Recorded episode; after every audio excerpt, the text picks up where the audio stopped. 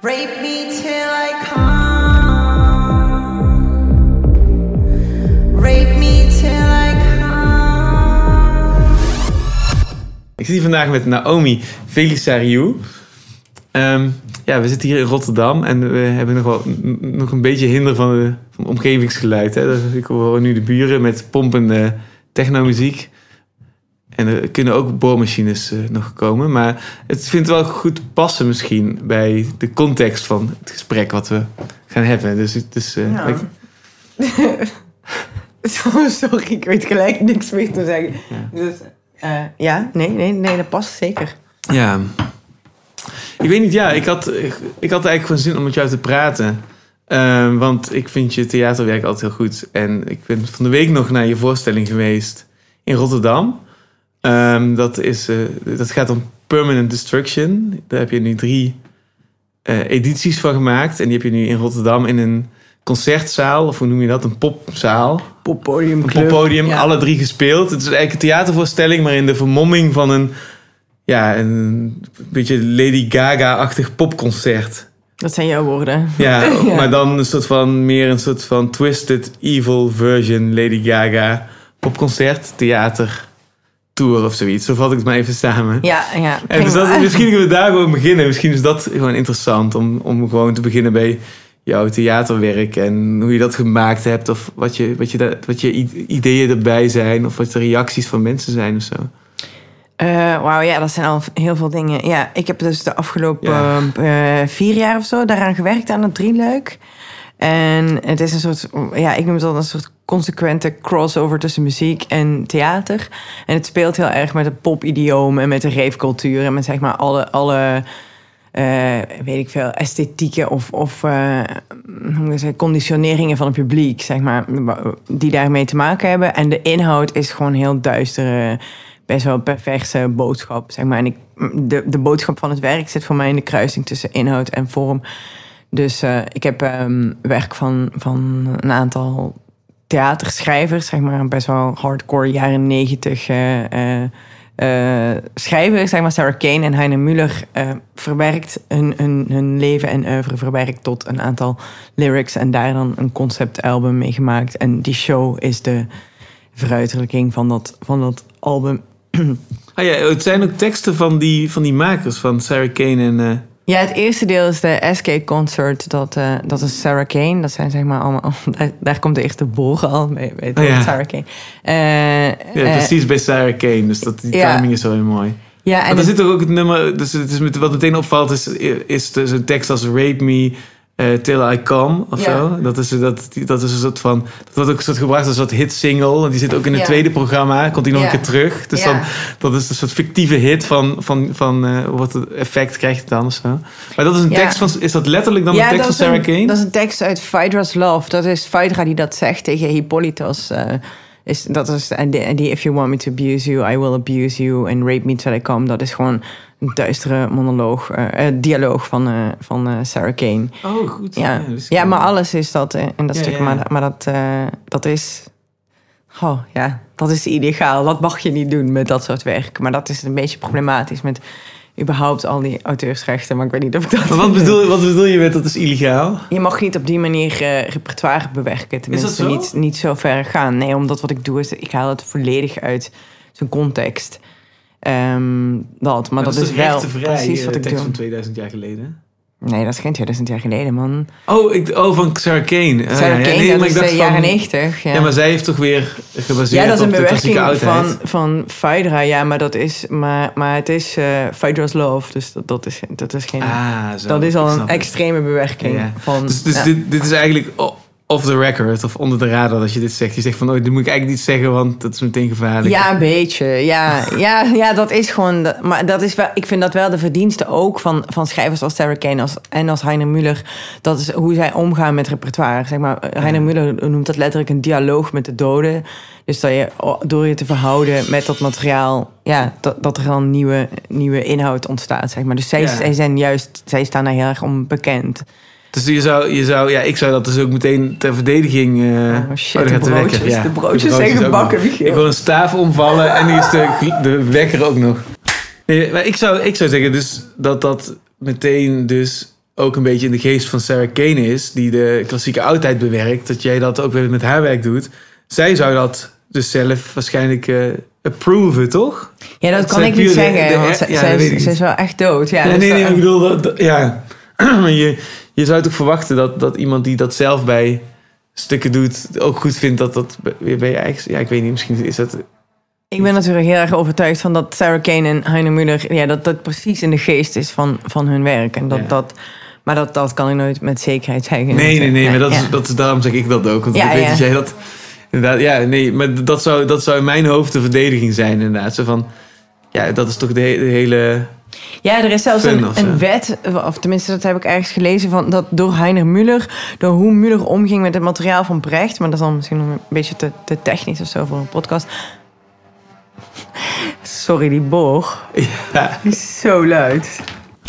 Ja, er is dus een. een eh, of dat, dat las ik ergens dat er een, een, een nieuwe eh, clausule is opgenomen in de auteursrecht in Duitsland. Dat gaat over vrije benutzing. En dat komt dus door hoe Muller Brecht citeerde. Dus citeren zonder te citeren en eh, out of context halen. En zeg maar, juist door hoe hij dat deed, is die wet veranderd. Dus dat geeft me ook altijd een soort ja. da- vrijbrief eh, om dat ook te, te doen, zeg maar. Ja, en nou ja, ik heb dus zelf meegemaakt, onder andere met de snijtafel, dat het citaatrecht dus heel ruim eh, hartig wordt ge- geïnterpreteerd. Vaak in het voordeel van auteurs. Omdat, inderdaad, en vorige week had ik een gesprek met Ruben Oppenheimer, die cartoonist is. En die ook zegt, je moet het zien zoals een DJ geluiden samplet, zo, geluid, zo sample ik beelden. Dus die samplecultuur geldt ook alweer als verdediging voor, de, voor cartoons. Dus zo zou je ook kunnen zeggen in de toneelschrijfwereld, wat vaak een wereld is die wortelt in de klassieke oudheid. Of ja, weet je wel, Shakespeare is nog steeds een van de meest geciteerde toneelschrijvers. En de klassieke oudheid ook. De, veel, Sophocles enzovoort. Ja. Dus dat, dat bouwt allemaal op elkaar voort. Dus dat, Ja, dat ja. moet, ja, en ja, ik zou ook zeggen van, ja, een auteur mag eruit plukken. En eh, zolang je maar zegt, het komt hier vandaan. En dat is ook het eerste wat je zegt. Het komt Daar vandaan. daar vandaan, toch? Ja. Dan maak ik er iets Nou nieuws ja, van. maar ja, fijn. mag het. Ja, oké. ik zeg het even omdat ik natuurlijk het gesprek wil bevrijden. Ja, eh, van, ja. Ehm, ja, dus, dus maar, maar, maar, maar ik ben nog wel benieuwd naar, dus, eh, ja, hoe- wat, wat, wat, wat, wat daar dan, waarom dat zo ontstaan is. Of waarom je dat bent gaan doen met die teksten. Of wat, wat, is, wat is het idee geweest? Nou ja, dat, ik vind altijd met een kunstwerk... Ik, ik begin nooit met voorbedachte raden... eh, met, of, of niet met het oog op een bepaald effect aan een kunstwerk. Ik ben gewoon iets aan het, aan het onderzoeken... en dat zoek ik dan echt helemaal tot in de uiterste consequentie door... en dan maak ik Ja. daar een live versie van. En nu was dat... Ik, ik was echt aan het zoeken naar... gewoon kan je... eh, die teksten van Kane op muziek zetten, dat was gewoon een soort simpel vooronderzoek wat ik deed met een aantal muzikanten en producers. En toen werkte ik samen met Joost. En toen kwam daar heel snel I Can't Fuck uit. Dat hebben we zeg maar in vijf minuten gemaakt. En toen voelde je van, wow shit, als je gewoon psychosis doet met een beatboxer, dan is het gewoon ineens heel iets anders. Het wordt, een hele vuige Europese house uit de jaren negentig of zo. Ja. En dan, en dan worden die, al die slogans, die kan je dan, die krijgen gewoon een hele andere betekenis. En dan kwamen al die associaties erbij uit de popcultuur of zo. Dat je denkt van, inderdaad, Lady Gaga die zichzelf probeert eindeloos heruit te vinden in vorm. En dan je denkt, ja, waarom hangt zij zich eigenlijk niet op op de Super Bowl of zo? Snap je? Dat zou, dat zou echt een sikke statement zijn. En je hebt natuurlijk nu Billie Eilish, die heel erg eh, flirt met het duisteren en met, en met eh, depressie en met ultieme kwetsbaarheid. En zeg maar, dat was toen, toen we eraan begonnen, net nog niet. Dus het voelde heel erg retro 90s. Het is ook een tijd waarin de- de 90s heel, heel hip zijn of zo, of waren, al toen we dat begonnen met maken. En het dus, dus eigenlijk die teksten, die, die Sarah Kane teksten, zijn ook teksten die al jarenlang nergens meer op het repertoire stonden. Omdat het soort van hysterisch vrouwentheater uit de jaren negentig was. Dat is de tijd van Nirvana, van Smells Like Teen Spirit. Van, Ja. en, dat, en dat hebben we zeg maar geprobeerd om een soort van terug hip te maken. Dus niet alleen de buffalo's van de jaren negentig, want dat zijn de schoenen die we aan hebben op het podium. Maar ook zeg maar die, die inhoud die daar achter die hele grunge en, en, en house scenes zat of zo. Zeg maar die, die pijn of Ja. die niet meer vet is in de Insta-era. En ja, dat, dat was Ja, dus eigenlijk één, één slag rauwer terug op het podium smijten van, dat, van die Zeg je dat, je- wat je zegt van, zou ik zo, Ja, zo- waarom, waarom, waarom hangt Lady Gaga zichzelf niet op op de Super Bowl? Dat is eigenlijk wel een goed beeld van, als je... Niet echt als- natuurlijk, hè? Ja, Maar ja, dat je als, je, als, als het waar is wat je, wat je pretendeert te zeggen met je muziek op een impliciete manier en wat al die codes en zo betekenen, waarom niet één slag verder denken? En dat kun je dan theatraliseren. Of dat is in ieder geval inderdaad ook hoe jij naar jouw voorstelling kijkt. Alsof je alles net even opschroeft of tweakt of net even verder doordrukt die... Ja, maar dat is denk ik al, een, een, al vanuit een ontvanger gesproken, zeg maar. Want ik doe niet iets om rood te zijn of om te chockeren of om, of om iets... eh, wa- Wat ik, wat ik denk is dat er echt een nieuwe... Dus je hebt nu... eh, of je gaat naar eh, heel eh, links, politiek geëngageerd, heftig theater... waarin je echt, zeg maar, op zijn brecht gewoon een moraal krijgt voorgeschoteld. Ja. En dan koop je voor mijn gevoel een soort aflaat voordat je het goede doet binnen jouw cirkel. Of je gaat gewoon naar mainstream commerciële art en dan laat je gewoon, weet ik veel, omverblazen door een bullshit show van Ariana Grande. Of je kijkt een Netflix-serie, zeg maar, die er gewoon eye candy uitziet. Maar ik denk dat als je die twee combineert, dus zeg maar dat als je die inhoud niet per se een bepaalde politieke inhoud, maar wel, ja, nou ja, alles is natuurlijk politiek en kunst, maar gewoon iets, iets vertelt over een soort van, van duistere achterkant of pijn, of dat waarvan je weet dat iedereen daarmee worstelt in die vorm, dat dat lekker is om daar naartoe te gaan, of, dan ontstaat er een andere betekenis. Als er ontstaat letterlijk een nieuwe betekenis tussen die vorm en die inhoud. En welke dat is, dat weet ik niet. Dus, dus, dus, dus ik, ik maak altijd een statement, maar ik weet niet in welke richting. Dat, dat ontstaat echt per persoon, per avond in het publiek. En dat vind ik er zelf heel leuk en spannend aan, zeg maar. Ja. Snap je dat als je zegt, I wanna, I wanna- fuck you till you die, maar je krijgt iedereen zover om dat mee te zingen. En te, dan, dan is dat niet van, oh, het is een slechte boodschap, want Ja. mannen zijn kut. En het is ook niet van, nou ja, het is leuk entertainment, maar daartussen zit iets anders. Weet niet wat, maar dat interesseert me. Ja, ja, ik bedoel, dat is ook precies wat ik, er, wat ik er zelf dus goed aan vind. Is dat het inderdaad aan die twee, aan die beide varianten ontsnapt. Dus ik, vind, ik heb zelf echt een hekel gekregen aan dat moralistische aspect van theater. Dat, omdat als je eenmaal theater gaat maken, dan merk je, zo werkt het helemaal niet op de vloer. Hè? Dat zeg je zelf ook. In, ik, ik, ik voel me meteen als je zegt van, zo werkt het voor mij helemaal niet. Dan voel ik me ook betrapt op hoe inderdaad hoe eerste deurs die vraag van mij al is. Want dan, de- dan denk ik meteen van inderdaad, zo werkt het helemaal niet. Zo werkt het ook niet als ik zelf dingen ga maken. Ik ben niet bezig met een, een, een globaal idee terug te brengen naar een podiumidee. Maar dat gaat veel intuïtiever vaak. Hè? Zeker. En dus daarom is dat moralisme altijd zo plat en ook saai vaak. En inderdaad, in, in, in die door subsidieplannen doodgeslagen theaterwereld lijkt het haast. Je moet al die plannetjes voorkoken voordat je überhaupt iets mag doen op een podium. Het is allemaal gepolitiseerd. En dan blijven er uiteindelijk maar twee smaakjes over, inderdaad. Gewoon mega entertainment of platgeslagen moralisme. En, en, en, en dan moet je als maker eh, manieren vinden om daar aan te ontsnappen. En dat inderdaad doe je dus op, in jouw geval merk ik nu, door die twee juist te combineren. Door te zeggen, nou, dan gaan we toch dat, wat ooit plat moralisme was, wat via, via Brecht naar Müller en Kane gegaan is. Als ik dat op die entertainment manier combineer, dan ontstaat er een botsing. En die botsing heeft wel degelijk betekenis. Namelijk, eh, ja, weet ik veel, het gaat over pijn of zo. Maar ja, wat, wat, wat dat is, is weer zo ontzettend binnenste buiten gekeerd... dat dat met iedereen weer iets anders doet. En dan is er weer een nieuwe manier om betekenis te krijgen. Of zo, Ja. zo, zo, zo versta ik dat dan, snap je? Ja, ik zou, ik zou Kane zeker niet als moralist opvoeren en Mulo ook niet. Maar, maar, eh, Nee, die- nee, maar dat dat, is wel waar. de gedachte, zeg maar. Dat is wel, dat is wel het procedé. Het, het enige moeilijke is, dan ontsnap je dus niet aan framing... door de tijd waarin we leven... en dat iedereen zo bang is om het verkeerde te zeggen... of om zeg maar, in het verkeerde bakje of in het verkeerde kamp van de geschiedenis te vallen nu. Ja. Wat voor een groot deel ook terecht is. Zeg maar, maar daardoor. Ik heb, ik heb bijvoorbeeld een voorbeeld dat ik. Dat ik, eh, ik zit in een eh, feministisch netwerk, Europees, transdisciplinair performance netwerk.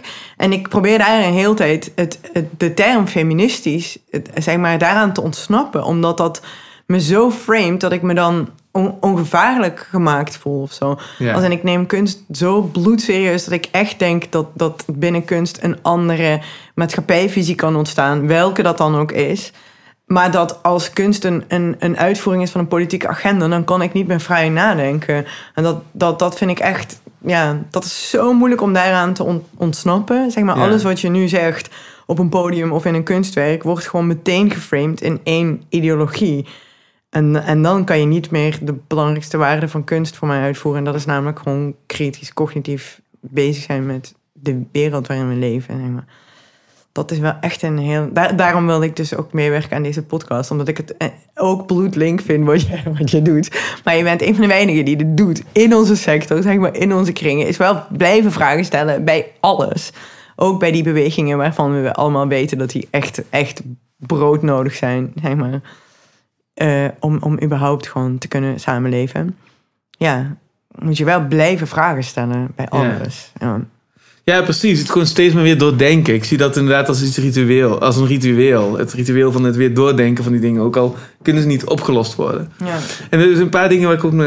Ten eerste inderdaad, ik wilde zeker niet zeggen dat Sarah Kane en Heiner Müller moralisten zijn. Nee. Eh, dat zijn ze zeker niet. Dus ook daarin eh, geef ik je meteen gelijk. Ik wilde meer dat je net het zo schetste dat je dat stok... Je ziet dus het estafette stokje gaan van, Ja, hand, ja. van de hand van, van Brecht... die wel heel erg een moralist is. Via Sarah Kane die dat binnenste buiten keert... naar jij die dat dan ook weer binnenste buiten keert. En, en dat is inderdaad hoe de, hoe, wat ik mooi vind aan de kunst. Dat het steeds op een soort van slimme manier toch weer daar kan aan ontglippen. Ja, dat is wat wel? die dialoog met de doden noemt. Dat vind ik zo mooi. Dat kunst Ja. ook een, dat je dus kan Ja. spreken met doden met Ja. kunstwerk. Ja. Precies, ja, precies. En dat is inderdaad, dat heb ik dan ook heel sterk voor ogen in de literatuur met bijvoorbeeld eh, de Steppenwolf van, van Herman Hesse, die ook echt zegt van in een grote stad eh, ben je helemaal alleen, maar je hebt die boeken en de boeken zijn vaak ook geschreven door inmiddels dode mensen. En dat zijn steppenwolven die met elkaar op de steppen communiceren door zo'n wolvenhuil of zo. Hè? Ja. Dat beeld, dat heb ik altijd heel mooi eh, gevonden en heel erg goed onthouden.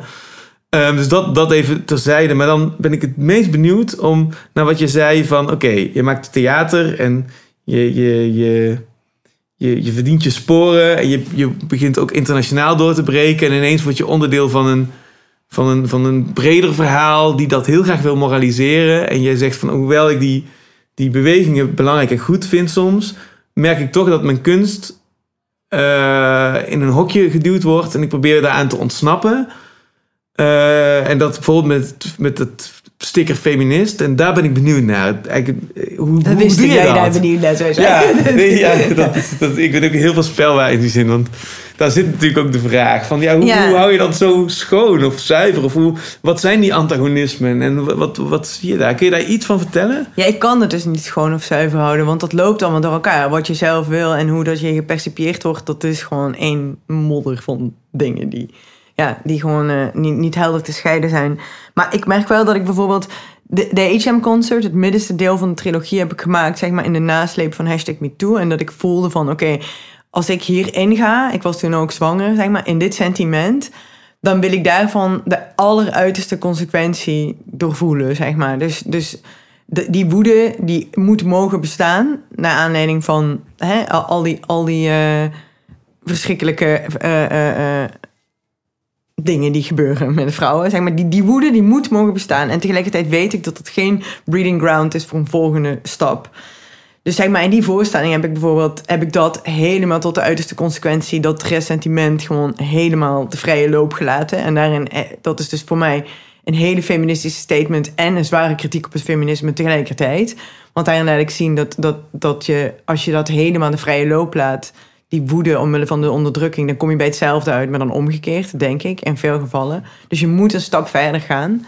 Maar ik merkte dat bijvoorbeeld in mijn werk, dat ik dat zo eh, dubbel wilde houden. Dus dat ik die moraal niet wil bepalen. Dus de helft van de, zaal, eh, van de mensen in de zaal gingen, eh, gingen naar buiten met het idee dat ze een feministisch statement hadden gezien. En die anderen hadden het omgekeerde gevoel. Ja. Maar ik merkte wel dat ik bijvoorbeeld dat herinner ik privé nog, ja. ja, dat ik, dat ik privé heel erg de nood had om. Toen ik mijn, eh, mijn Time's Up moment had, eh naar aanleiding van hashtag MeToo, en ineens snapte waar het over ging, dat ik daarnaast een essay schreef als persoon, Naomi Feliceriou, waarin ik gewoon mijn eigen ervaringen wilde delen. En voor mij is een essay dan, omdat dat niet mijn ultieme kunstvorm is, is dan een plek waarin ik gewoon eerlijk kan zijn en gewoon één op één kan nadenken zonder dat ik poëtisch hoef te zijn of een soort, snap je, vertaalslag moet maken naar iets anders. Ja. Dus, dus de, in die zin probeer ik en te, te staan voor dat wa- waarvan ik denk dat dat belangrijk is. En in, in mijn kunst niet één op één politieke statements te maken, omdat dat ook zou impliceren dat ik mezelf vrijpleit van schuld en dat ik een, een agenda uitvoer, terwijl ik wel op elk moment, zelfs in een voorstelling, kunnen wisselen van politieke agenda, bij wijze van spreken, want anders dan, dan heeft het geen waarde meer. Want het belangrijkste is dat ik, dat ik gewoon eh, een vrij plaats heb om te denken die echt losstaat van alles. Dus ik, ik, ik moet mogen losstaan van een of welke politieke partij. Niet naar het journaal kijken. Wel me helemaal in een randstad gooien, eruit trekken. Als een, en gewoon en dan vrij eh, contempleren of reflecteren op de maatschappij om me heen. Dat, dat onderscheidt mij van een wetenschapper of een, of een onderzoeksjournalist of een, weet ik veel, partijleider of een, dat. Ja. En met mij bedoel ik dan eh, voor mijn gevoel de kunstenaar. Ja. En, dus, dus dat begrijp ik natuurlijk, dat, je dat, dat, je, dat een van de strategieën voor jou is om dat dus uit elkaar te trekken. Ehm, ik ben ook benieuwd naar hoe dat dan werkt in zo'n internationale scene, dat je, waar, je die, waar je die druk voelt. Is dat heel letterlijk? Of is dat heel impliciet? Of hoe, hoe merk je dat? Of is dat puur in de receptie in de media? Of hoe, hoe werkt dat dan? Dat je dan merkt dat je in een soort feministisch hokje geduwd wordt, of bijvoorbeeld, of terwijl je Nou ja, ik denk dat dat eh, ook heel erg in mijn, mijn voordeel werkt, zeg maar. Want heel veel tokenisme en mensen willen gewoon, mensen willen emancipatie en ontvoogdingsstrijd in hun programma hebben staan. Laten zien van kijk, wij steunen een feminist of feministische kunst. Dus, dus ik denk dat dat inderdaad zowel in de receptie door pers als in of met prijzen of in zo'n netwerk. Maar dat netwerk dat is, dat is een heel klein idealistisch netwerk van een aantal eh, programmeurs en instellingen en kunstenaars in Europa. Dus het is niet een groot fancy ding wat een druk op mij legt. Maar dat zijn gewoon mensen die oprecht willen nadenken naar een feministisch businessmodel voor culturele instellingen. Snap je? Ja, ja, nou ja dat, dat is meteen dat is waar ik Dat zelf vaak tegenaan loop. Ja. Dat is het enige nadeel, maar dat is meteen ook een, een, een onoverkomelijk nadeel, vind, vind ik zelf. Ja. Zo van, als je puur kijkt vanuit hoe je dingen maakt, Ja. dan je kunt zo niet iets maken. Dat is inderdaad, dat, dat is vol, vol- volstrekt verlammend. Maar inderdaad, iedereen mag natuurlijk uithalen dat wat wel, je... denk ik.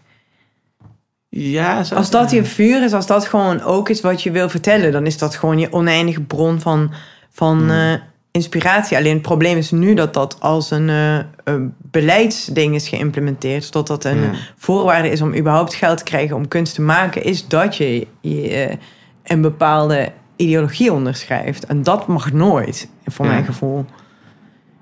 Ja, precies.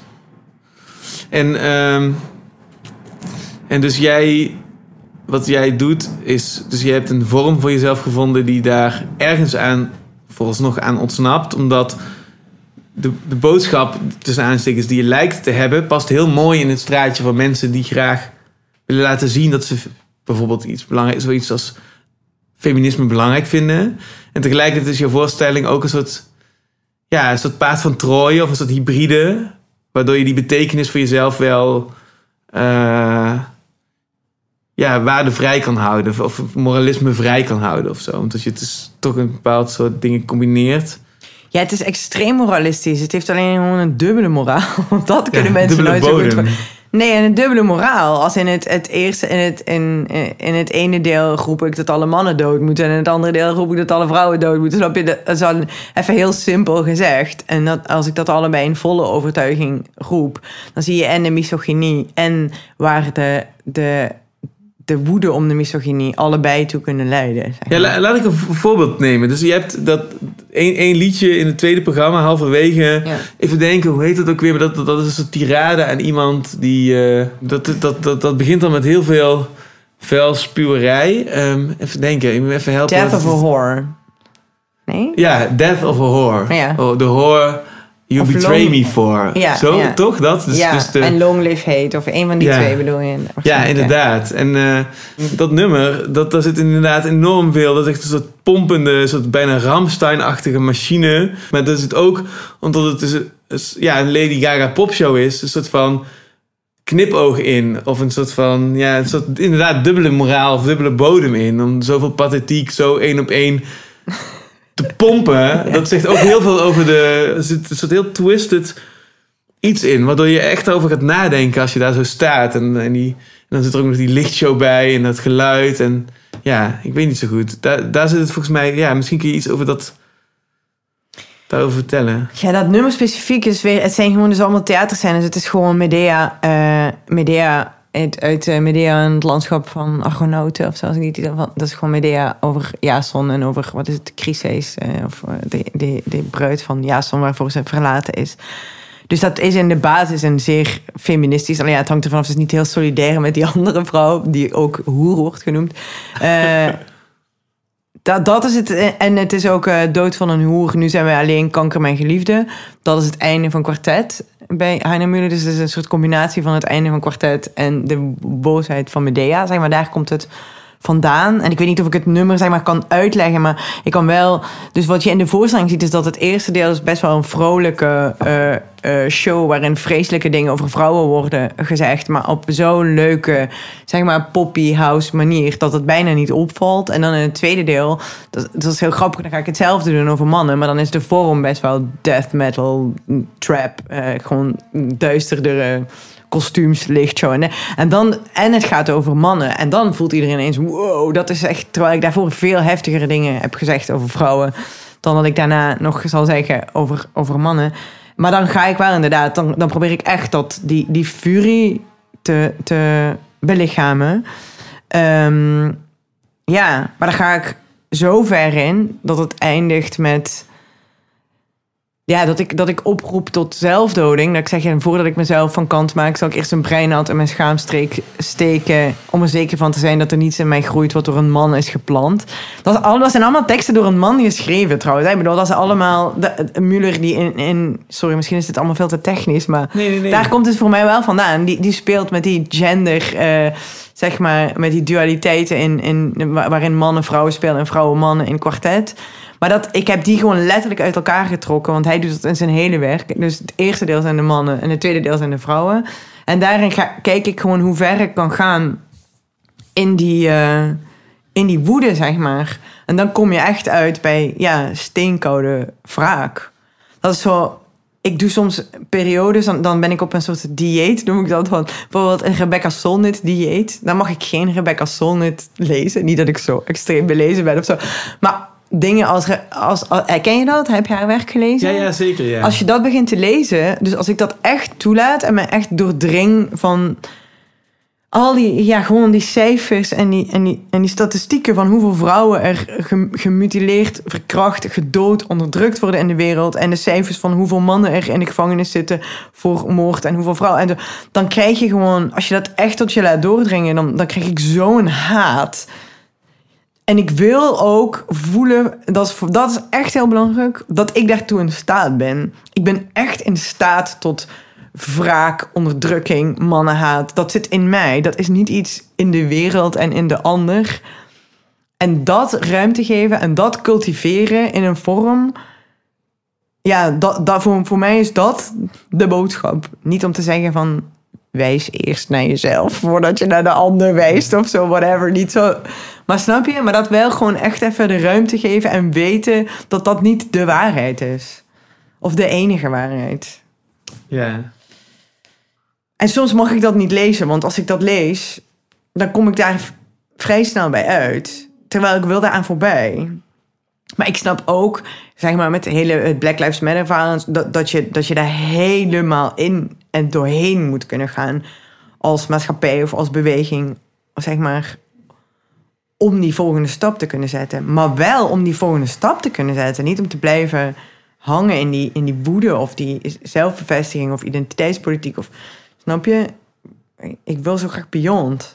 Ja, dus, dus, dus, dus als ik jou goed begrijp, eh, probeer je dat, eh, die, die, die, die maatschappelijke sentimenten en eh, gevoelens en emoties eh, lo- ook eerst lokaliseren ook in jezelf en, en zien wat dat is en dat verkennen en dan ook dat weer erbij betrekken. Zo van oké, de die woede is er blijkbaar ook. Dus waarom kan die dan niet ook weer een soort van plek krijgen in het geheel? Want dat, ja, dat is het meest eerlijk naar mezelf toe of zo. Ja, en tot de ultieme consequentie uitdenken, zeg maar. Zoals dat idee van Lady Gaga die zich ophangt op de Super Bowl als ultieme statement over de, weet ik veel, consumptiemaatschappij. Zo dacht ik ook van, ja, ik weet niet, Beyoncé heeft zoveel van die dingen over eh, waarom betaal jij mijn rekeningen niet en, zo die, zeg maar, die, die, die eh, hele belangrijke emancipatie. Dat ik denk, ja, als je die tot de ultieme consequentie doordenkt, dan kom je bij zo'n zo'n zo'n radicalisatie uit. Van dat je denkt van, ja, dan dood ik mijn kind omdat het door een man is gemaakt. Dat is natuurlijk het meest verschrikkelijke. Ook om te zeggen toen als zwangere vrouw. Maar dat was zeg maar mijn messias zijn voor het feminisme of zo. Ja. Niet dat ik dat geloof, maar... Als, En dat messias zijn voor het feminisme, is dat, is dat, is dat met, met ironie of met een knipoog of met humor? Of is dat even in die volledige pathetiek geloven in dat moment? Of wat, wat, wat Het is overheerst? altijd er volledig in geloven in het moment. Maar dat is het experiment om dan te kijken wat dat doet met een gedachtegoed, een publiek, een mens. En zo groot of zo klein als het is. Maar het is nooit met als doel ironie of met als doel. Snap je? Als in ik embody gewoon dat wat ik zeg, probeer ik op dat moment echt met alles in mijn lijf te geloven. Maar natuurlijk geloof ik niet dat. Snap je dat we allemaal abortus en zelfmoord moeten plegen omdat mannen zulke heftig zijn? In zin, dat is ver van wat ik geloof. Maar ik probeer dat op dat moment wel Ja. volledig te channelen. Nee, dat, ik bedoel, ik begrijp. Stel, oké, even, even als voorbeeld een zanger. Je hebt Jacques Brel en als hij zingt uh, Ne me quitte pas, en dan geloof je dat hij dat echt op dat moment voelt. Ja. Je ziet zelfs gewoon die tranen langs zijn gezicht glijden. Hè? Ja. Dat inleven, oké. Dan, dan heb je Lady Gaga en die heeft een hele show. Eh, als ik zo'n videoclip kijk, zoals eh, Telephone Love of zo, dan, dan heb ik niet het idee dat, dat haar performance, eh, zoals op Jacques Brel's gezicht getekend staat, dat dat de crux is van waar ik naar kijk. Dan heb ik gewoon het idee dat ik in de hele Lady Gaga-wereld leef voor die 10 minuten. Dan is die en die Pussy Wagon van Tarantino en die dansers en die 10 minuten introductiefilm of zo. Dat he- die, die hele gekte is gewoon alsof ik even in het hoofd van Lady Gaga ben. Hè? Ja. En dus als ik, dus als ik dit even zeg maar apply op wat jij doet, dan dus natuurlijk jouw gezicht en jouw expressie en ook de, bijvoorbeeld je hebt ook momenten dat je zeven minuten lang een monoloog afsteekt tussen twee liedjes door of zo. Natuurlijk zie ik dat je dat speelt, eh, maar op een inlevende manier, op, dat je het echt voelt en dat je het even bent helemaal.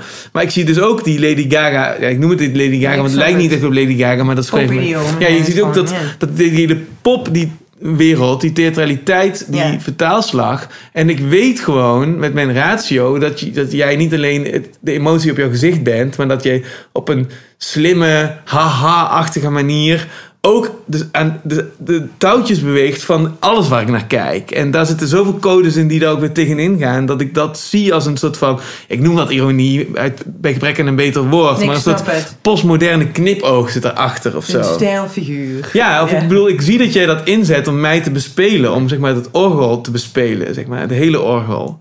Dus, dan, dus, dus, dus, dus ik snap wel dat jij zegt van, ik, ik doorleef dat helemaal. Maar in mijn gevoel, voor mijn gevoel heb je dat op een ander moment helemaal doorleefd. En uiteindelijk getheatraliseerd. En op het moment dat ik het zie, op dat moment weet ik dat je met me speelt. Snap je wat ik bedoel? Ik snap het helemaal. Ja, nee, dat is waarom die dat? voorstellingen zo fucking lang duren om te maken. En ik ben gewoon een jaar bezig met het bouwen van een soort poptempel. Terwijl ik dat niet ben of niet kan, zeg maar.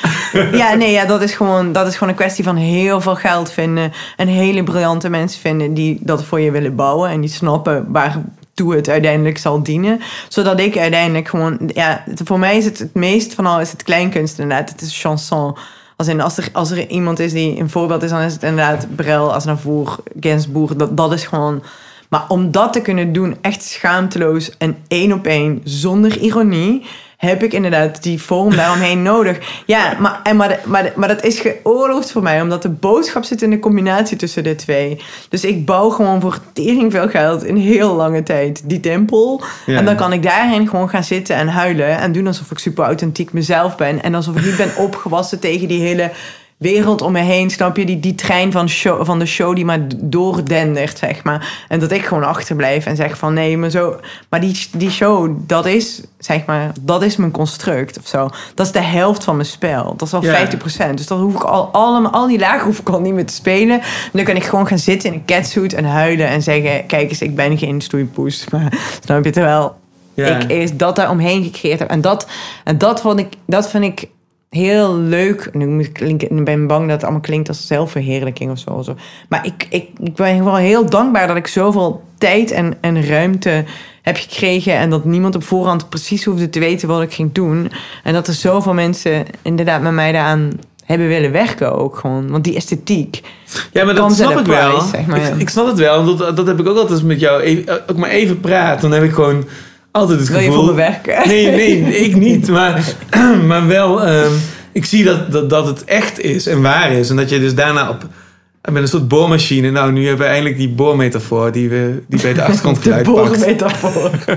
Die boormachine, eh, om, om echt, eh, net als Sarah Kane trouwens, of, of Heiner Müller... echt dat, door die aardlagen heen te boren naar iets wat nog dieper zit... wat, wat waar of echt is. En in dit geval hebben we het dus over, over, over dingen die, die maatschappelijk ook als sentimenteel kunnen worden uitgelegd of pathetisch, of die voor een enorme gepolariseerde cultuurstrijd zorgt.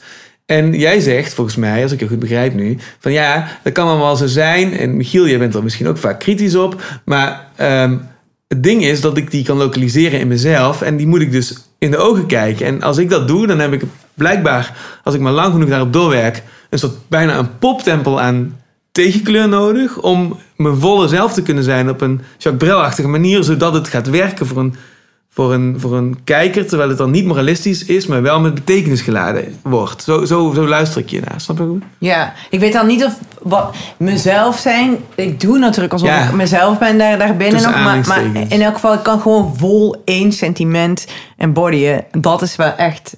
En dan kijken wat dat doet. Ja. Bij wijze van so- sociaal experiment. Ja, en dat, daar heb je dus die, die, die, die Die context voor nodig. voor zo, nodig. ja, tuurlijk. Want anders die- dan is het gewoon...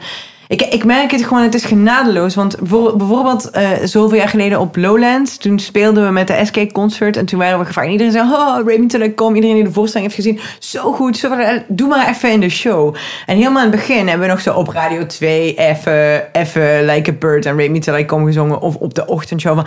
Maar zonder die show kan dat echt niet, zeg maar. Ten, ten, ten Hoezo? eerste, ik, ik ben geen zangeres. Dus zeg maar, als ik geen autotune en een pak en een sikke show... Als in, ik ga niet daar staan en even lekker genieten van hoe ik sta te zingen. Want ik kan echt voor je mee te zingen. Ten eerste dat en de vorm. Maar ook de inhoud is volledig anders als mensen... ehm, als je zeg maar die, die hele visuals daarbij ziet en die hele... En die hele boog van die show waar we echt een jaar over doen om precies te weten... oké, maar als we eerst dat, die zin zeggen en dan die zin en dan dat tussenpraatje... en dan, dan gaat het dat betekenen in the scheme of things. Snap je? Als ik in nummer 1 zeg, eh Rate Me Till I Come... en in eh, nummer 2 zeg ik... eh, Snap je, dat is precies het probleem. Want mannen zijn eh, even heel simpel gechargeerd. Dan kan dat. Maar je kan niet daar één stukje uithalen zonder show en in een ochtendshow van, van snap je? Ja, Want dan is de hele dubbele laag weg. En dan is het gewoon, dan krijg je gewoon haat. Dat mensen zeggen, dit is gewoon reclame voor verkrachting. Terwijl het precies het omgekeerde is, snap je? Maar Ja. het, is, het is kritiek op verkrachting vermomd als reclame voor verkrachting. ja, of in ieder geval dan is het een soort van iets platgeslagens. En met iets... Eén ding. En het kan Ja. nooit één ding zijn dit. Want dan is het gewoon veel te radicaal in de ene dan wel de andere richting. Ja, precies. Ik begrijp het, ja. En, de, en, En ik de vind ook- nuance ontstaat tussen de, com, de combo van die dubbele... Ja, tussen, in die dubbele moraal of zo. Want ik zat ook over na te denken vorige week, toen ik het eh, opnieuw zag. Toen dacht ik ook van, het werkt goed. Juist omdat ik het op, een- op een oppervlakkig level niet van een normaal concert kan onderscheiden. Ja. Eh, het is een concert. Ja. Het is niet een theatermaker die een concert, concert, doet Ja. of zo. En nu vond ik de codes nog meer kloppen dan op Oerol. Op Ja. Oerol kon ik er nog af en toe een glimp doorheen zien. Waarvan ik dacht van, oh ja, maar dit is een theatermaker en geen popartiest. En nu in die popzaal dacht ik van, nee, alles codes zijn popconcert. Ja.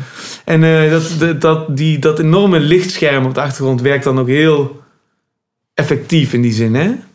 Ja, nee, maar dat was wel een bepaald moment een ding. Dat iedereen wel een soort gedownsized versie voor in het clubcircuit of eh, internationaal of zo. Dat iedereen zegt van, oh leuk, eh, nieuw werk willen we tonen. Maar dat moet voor de helft van de prijs. En dat, dat kan dus niet. Zeg maar. Ja. die, die dure winkel daaromheen, dat is het kunstwerk. Dat duurt altijd zo lang om dat aan mensen uit te leggen dat het niet... Het kan niet kleinschalig, zeg maar. We hebben al extreem gedownsized in vorm. Eh, maar ja, als je, als, je dat, als je dat allemaal weglaat, dan is het gewoon chanson. Maar dan chanson, chanson, Maar dat- ja. chanson, chanson. En, en hoe weet je dat zo zeker? Waar maak je dat het op? Of hoe, hoe, hoe werkt jouw antenne? Is dat gewoon allemaal intuïtie? Nee, dat is gewoon... Ik ben ook gewoon een regisseur van een theatervoorstelling. En dat is gewoon...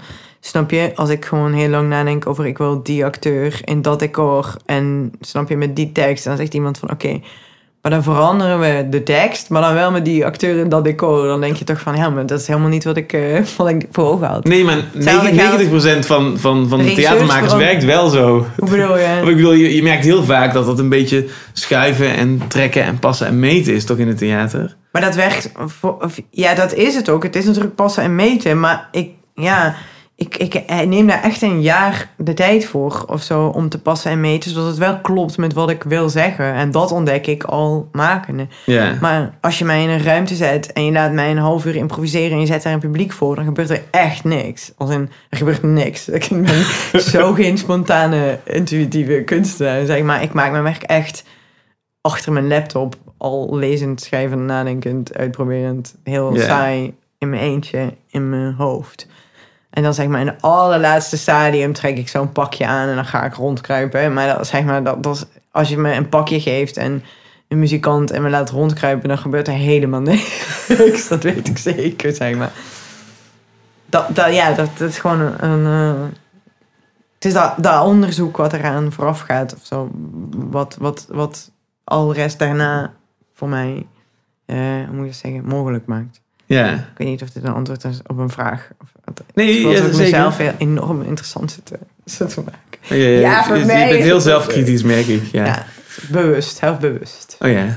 Hoe, hoe was het om die drie voorstellingen achter elkaar te spelen? Om die drie popconcerten, dus 4,5 uur lang. Dat was het leukste ever. Dat is echt een van de leukste dingen die ik heb gedaan sinds mijn eh, afstuderen, zeg maar. Was dit de eerste keer dat je ze alle drie speelde? Dat was de eerste keer en vooralsnog de enige. Dus ik wil eigenlijk alleen nog maar dat doen. Maar ik, ik zag dat er op, de, op het affiche dat er meerdere voorstellingen gepland stonden. Niet op dezelfde avond. Ah, dit was dus de enige, keer. dus ik probeer nu de programmeurs van volgende volgende festival zo staan. Maar dat is nu niet meer zoveel... Uh, ja, wel in België, zeg maar. Maar de, de, de, meeste gegadigden nu komen uit het buitenland. ja. Maar ik probeer die te overtuigen om de trilogie in zijn geheel op één avond te, te programmeren. Alleen, dan moet ik zelf een manier vinden waarop ze dat kunnen betalen, zeg maar. Dat is, dat is de grote vraag. Oh ja, dus, dus om jou te programmeren moet, moet er heel veel geld gevonden worden. Ja, ik kan dan bijna niet vragen, zeg maar. Dat wat ik wil vragen, zeg maar, voor één avond is vaak even duur als, als zeg maar, het hele festival bij elkaar. Dus dan moet ik het zelf fixen. Dat is nu toevallig wel wat ik de hele tijd doe. Dus dat is fondsen werven. Dus daar bestaan allemaal potjes voor, voor internationale programmering en zo. Dan kan je van ambassades geld krijgen. Omdat het een belang is van Nederland om een exportproduct te hebben in het buitenland. En zo. Dus de- Ja, ja. dus ik val in, in, in, allemaal, in allemaal bakjes van. Maar dat is gewoon een hele hoop regelwerk. En dat is het minst leuke aan mijn werk. Maar dat is wel wat ik 80% van de tijd doe. Dat Ja. is geld vinden om dit te doen. Nou ja, nee, dat is niet waar. Dat is niet 80% van de tijd. Maar gewoon alle randvoorwaarden scheppen om in dat bakje daar te gaan staan schreeuwen. Dat is echt, dat is echt een fulltime job. Maar dat, eh, dat kantoorwerk wat er allemaal bij komt kijken... om zeg maar op eh, onafhankelijke voet... want ik ben een autonome maker... op die schaal werk te maken... en dan bedoel ik op die schaal financieel... dat is gewoon echt... Die teams worden nu steeds groter. Dus, dus dat is nu gewoon echt een meer dan fulltime job. Het is gewoon Ja. een heel jaar preproductie. Hoe, groot is zo'n team dan? Onze... Bij Permanent Instruction was dat vrij klein. Ja, zeg maar, op het podium is het Joost en ik. Maar dat zijn een hele hoop technici, zeg maar, om dat te maken. Je hebt geluidsontwerpers, lichtontwerpers, geluidstechnici, hoofdentechniek. Als in, daar, daar is het gewoon... Alleen al om dat ledscherm te bouwen heb je gewoon... Dat is gewoon 400 kilo led om dat te vervoeren. Omdat, daar, ja, daar komt gewoon een hele hoop volk bij, bij kijken, zeg maar. Wat daar gewoon lang op voorhand naartoe... Dat, ja, dat is even echt helemaal de achterkant van het verhaal. Maar als ik dit wil doen, wat ik nu ga doen, misschien een leuk bruggetje. Mijn volgende voorstelling, mijn eh, eerste project sinds Permanent Destruction, dat is Atropa. Dat gaat nu in première in november. In, eh, in, eh, ik ga even reclame maken. In het toneelhuis in Antwerpen. En gaat daar naar toeren in België en in Nederland tot aan de kerst. Punt. voor dat, ja, dat, dat, daarin wil ik voor het eerst kijken of dat wat ik aan het uitzoeken was daarvoor, zeg maar, die, die vorm van muziektheater en die kruising van tragedie en muziek. En dat wat ik ontdekt heb met Permanent Destruction, zeg maar, die crossover tussen die popidiomen en die pijn. Of ik dat zeg Oh, maar wacht. Kan samenbrengen. We Dikke een, boor. We hebben een slijpschijf. Ik pak even een boterham, want het is bijna één uur, dus misschien gaan ze zo lunchen. Zullen we niet even pauze Ja, doe, ja, is goed. Ja, ja. Om een update te geven. Het was een boormachine. Daardoor heb ik hem even uitgezet. En toen gingen we pauzeren. Maar in die pauze, de laatste 10 minuten, waren we alweer allerlei onderwerpen aan het aanstippen waardoor ik spijt had dat ik een pauze had gezet. En nu moeten we dat weer terug gaan halen. Of we gaan gewoon door. Ik weet Ja, niet, we ik gaan niet. gewoon door. Het- En, en we halen het terug. Altijd allebei, ja. Ja, Nee, ja, ik zat net te denken over die, over, over die moraal en zo nog. Van, dat ik dacht, het gaat me altijd over dat... ehm, dat is eigenlijk een hele feministische gedachte van, van eh, traditioneel gezien.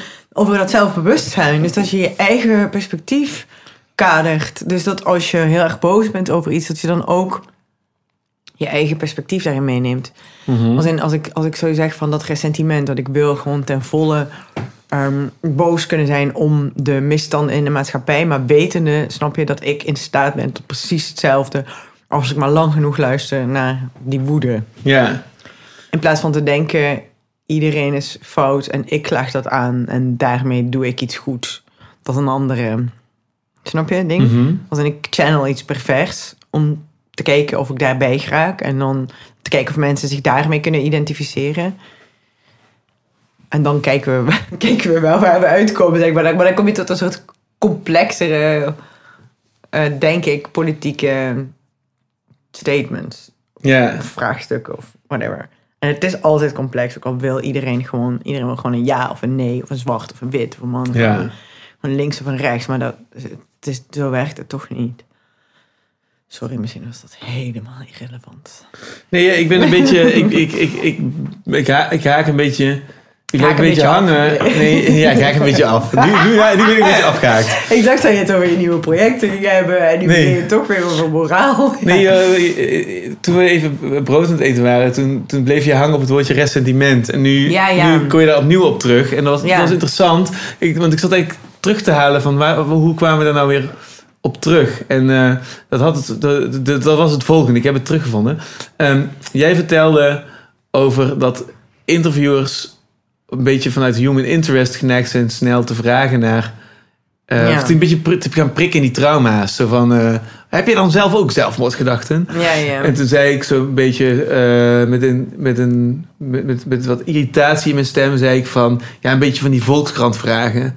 En Wat toen, zei ik, en toen corrigeerde ik me daarna. En toen zei ik van, oh, dat is eigenlijk ook weer ressentiment, hè? Ja, ja, en toen hadden we het over ressentiment. En toen, zei, toen zeiden we van, van, ja, het is toch grappig dat het honderd jaar geleden door Nietzsche al zo helder is opgeschreven dat niemand het sindsdien beter heeft verwoord. En toen zei je van, ah joh, dat is eigenlijk 5000 jaar geleden al goed opgeschreven. En het zijn allemaal diezelfde dingen. En het is interessant om te ontdekken dat dat ook in je eigen lichaam allemaal aanwezig is. En dat brengt het weer terug bij wat jij nu zei. Dus dat, ja. dat wil ik nog even toevoegen daaraan. Want ik denk, die context is toch wel relevant. En ik ben ook benieuwd hoe jij dat... eh, ja, jij hebt al Ja, het is een dat- en ander over verteld. Maar dat, dat is wel een interessante verdiepingsslag op waar we het allemaal over hebben. hè? Ja, oh, jij gebruikte dat woord ressentiment zo nonchalant in een bijzin. En toen dacht ik, ah ja, dat, dat mogen we niet doen in een podcast. Want dat is dan academisch en dat is elitair. En, dat, en ik merk dat ik dus heel vaak zoek naar een alternatief voor dat woord. En dat er geen woord is wat dat zo samenvalt als dat wat het is. Als in, het is een heel heftig sentiment. Het is een, een woede, een wraak. Maar omwille van onderdrukking, zeg maar... Zeg maar, omwille van onrecht wat is aangedaan. En dat is allebei waar, zeg maar. Snap je? Dus Ja. de onderdrukking is waar en de woede is waar. Dus het is een negatief sentiment of een, een reactief sentiment. eh, maar op iets wat daar, ja. En dat vind ik echt iets, iets wat, wat voor mij een codewoord zou kunnen zijn. Of wat, wat deze tijd omschrijft. Maar dat impliceert zelfbewustzijn.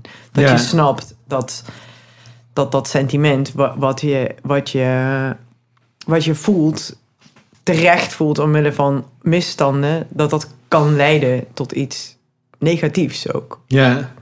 Ja, zo- zoals ik het dus zelf zie. Dus volgens mij heeft Nietzsche het over een eh, imaginaire wraak.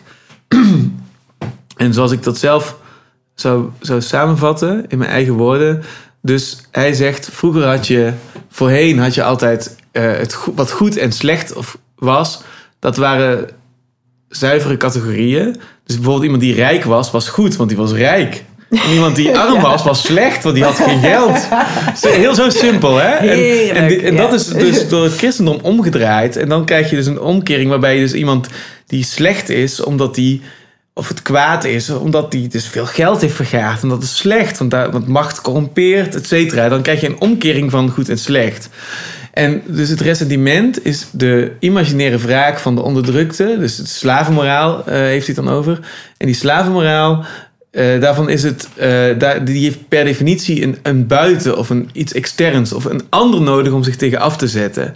En dat is eigenlijk de omkering. Dus het ressentiment is onvruchtbaar in die zin dat je dat, dat, dat waarde scheppende, want hij zegt dan heel mooi zo van, want ook, willen, ook zij willen eens weer de meesters zijn. Dat, weet je dat staat gewoon vast. Iedereen is uiteindelijk gewoon iedereen naar de kroon aan het steken met het spel. En ressentiment is dan vanuit je slachtofferschap eh, imagineren wraak of druk uitoefenen, oefenen, of weet ik veel, culpabiliseren of schuldgevoel aanpraten. Al die mechanismen om, om maar zelf weer machtig te worden. Maar daar heb je dus die andere voor nodig, dat, dat, dat externe. En daarom, daarom is het ergens zo onvruchtbaar, omdat je, als het echt waarde krijgt, dan moet dat weer intrinsiek zijn vanuit jezelf. En daarom moet je daar dus bij jezelf ook weer doorheen. En ik herken dat ressentiment ook, want toen ik zelf op de toneelschool zat, eh, toen had ik ook gewoon dat gevoel van, ja, wat een kutschool. En eh, weet je wel.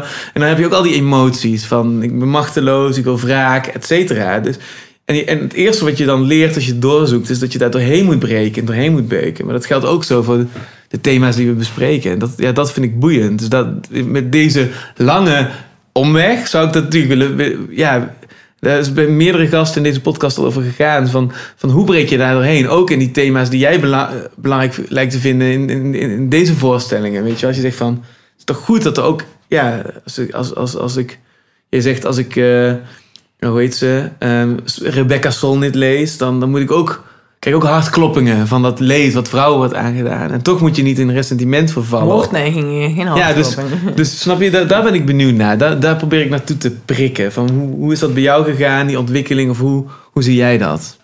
Ja, ik krijg nu dus heel erg hartkloppingen, was ik net aan het denken. Omdat ik meteen denk, ehm, dit gesprek mogen we niet voeren. We mogen niet op deze toon voeren. Het is white privilege. Als in, snap je? Dus die, die, dat zelfbewustzijn, dat is zo groot. Dat je denkt van ja, eh, wij die eh, boos waren op de toneelschool op onze docenten... is iets anders dan iemand die verkracht is. Of iemand die zeg maar structureel gediscrimineerd is. Of... of Snap je? Dus, dus, dus daar gaat mijn, mijn zelfbewustzijn gaat door, door de hele emancipatiegolven of zo. Het is- schiet meteen door de roof. En ik denk meteen, oké, let's change the subject. Change the subject. Ja, nee, dat kan ook. Ja, ik ja. dicht bij mezelf- Nee, maar, maar ik zeg, ik geef dat maar aan. Omdat dat voor mij, dat is voor mij het antwoord op dat wat je vraagt. Als in, hoe is dat voor jou? Dat is, als in, dat is dat. Dat is echt extreem oncomfortabel en extreem moeilijk. Maar, ehm, eh, hoe moet ik dat zeggen? Ja, toch wil ik dat blijven aangaan vanuit alle perspectieven. Dus ik, ik erken dat, dat wat jij zegt. Dus dat je moet weten van jezelf dat dat ressentiment is. Maar ik voel me soms ook wel niet vrij om daarover te praten. Omdat ik denk van ja, het, er zijn- ook gradaties van wat je is aangedaan. In hoeverre je nog kan uitzoomen. Snap je? Dat is echt een specifiek voorrecht om te kunnen uitzoomen op, op die manier. Nou ja, ik denk dat, dat wat, het is, wat, het, wat ik dus interessant vind, is dat, dat mechanismen zijn. Bijna energetische, karmische spelregels of zo. Van, of processen die zo universeel zijn, die zo geabstraheerd zijn dat ze. Dat ik denk dat het voorbij die privilege discussie gaat. En dat uiteindelijk iedereen in die, in die mechanismen terecht kan komen. En dat maakt helemaal niet uit of... Kijk, ik zeg nu als voorbeeld de toneelschool. Dat doe ik ook een beetje met een knipoog. Want ik denk van ja, dat het. kleinzielige, dat kan al zitten in iemand die, die, die in Eindhoven geboren is en dan in Utrecht naar de toneelschool gaat. Maar het zijn dezelfde processen. Maar er is een verschil inderdaad tussen kleinzieligheid en, en, en inderdaad wraakgedachten omwille van dat je iets verschrikkelijks is aangedaan, zeg maar. Alleen het kan leiden tot, tot, tot, het, tot hetzelfde, zeg maar. Namelijk dat je denkt, eh, en nu is het aan ons. En dat is een gedachte waar ik me niet in kan vinden. Als, in, als ik het heel klein hou tot eh, helemaal bij mezelf of zo. Ik denk, wat ik als vrouw herken van, van al die eh, dingen dat je denkt, ah ja, het systeem is mannelijk, het patriarchaat. Ehm, dat, ik, dat ik nooit de gedachte heb, en nu is het aan mij. En nu is het aan ons. Nu is, nu is mijn tijd aangebroken. En, snap je? Want dat is denk ik, dat is het, die gedachte, dat is het probleem. Snap je? Want het is Ja, aan ons allemaal. Als in, het, is niet, het is niet van, eh, eh, en nu is de tijd van de vrouw aangebroken. Als in, er, er moet iets, iets komen wat, eh, wat niet meer die reactie tegenreactie is. Maar dat kan ik niet voor een ander beslissen. Want zeg maar, als je broertje dood is omdat hij door de politie is, eh, is eh, neergeknuppeld, dan kan je niet zeggen van ja, maar nou moet je niet eh, zeg maar, boos gaan wezen, want dat is zeg maar slavenmoraal, kleinzielig of wat. Snap je? Dat kan je niet voor een, voor een ander beslissen. Je kan alleen voor jezelf Nee. beslissen. Oké, ik, denk, ik denk dat ik nu begrijp waar, onze, Ja. waar de verwarring zit. Ja. Kijk, ik heb het natuurlijk nu over hoe je kunst maakt en wat kunst is. Ja, En fijn. Dus Dus daar, ja. Ja, ja. Dus natuurlijk werkt dat anders in het leven zelf. ja. Maar, maar als je dat... Dus ik zie kunst als iets wat daar weer mee omgaat. Dus je maakt een soort vertaalslag. ja. En als je dat wilt doen, dan moet je daar doorheen. Doordat, dan moet je voorbij dat ressentiment komen. Dus ik bedoel dat niet als mens. Ik bedoel dat als kunstenaar. Ik denk dat het als mensen ook echt belangrijk is om voorbij dat ressentiment te komen. Zeg maar, als je eenmaal dat bewustzijn hebt van, van, van al die mechanismes die spelen, dat je dan wel samen kan zoeken naar een common ground weer. Of wat ik moeilijk vind aan, aan het idee van de identiteitspolitiek. En van dat iedereen dat, dat, dat belichamen van zijn perspectief gebruikt. Als en van ja, maar ik snap dat dat zo is voor jou. Want jij bent jij. Maar dat is voor mij zo. En daar heb ik nu ook de neiging toe. Dat ik denk, ja, maar ik spreek als vrouw, als wit. Ik ben niet verkracht. En dat zijn allemaal, zeg maar, dingen waar ik mezelf, waarvanuit ik mag spreken. En vanuit een ander perspectief niet. Maar daardoor zoeken we dus niet naar een common ground. Zeg maar, naar die, naar die oldschool waarheid van filosofie van voor Nietzsche. Naar, naar zeg maar, het, aristotelische, christelijke, patriarchale, whatever the fuck you call it.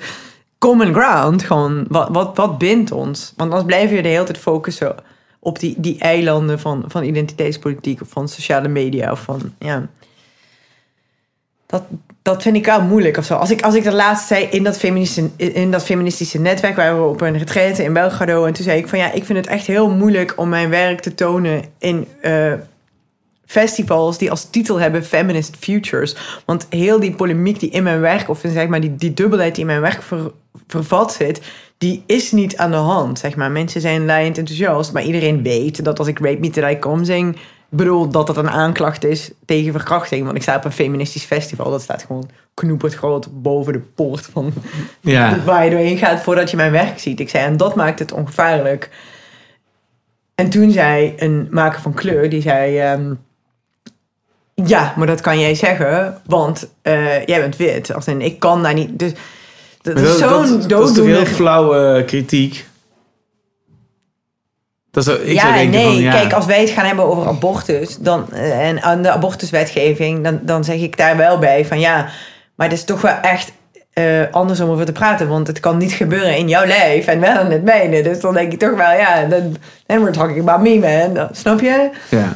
Ja, je snapt al lang wat er, iedereen snapt al lang wat er ingewikkeld aan is. Ja, Ja, ik denk dat iedereen over abortus kan praten. ja natuurlijk. Eh, omdat ik gewoon geloof in het vrije woord.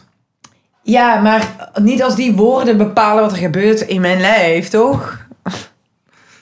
Ja, nee, misschien. Ja, dat is dus een lastige. Ja. ja. Nee, ik bedoel, ik kan me ook voorstellen dat je niet op mijn eh, mening zit, of mijn geluid zit te wachten dan. Dat kan ik natuurlijk goed voorstellen. Nee, ja, nee, ja. Ik denk dat Prima als je dat doet eh, in- in met principe- snijtafel, maar niet als je dat doet als wetgever, toch? Als in, dat lijkt me nog wel een verschil. Ja. Ja.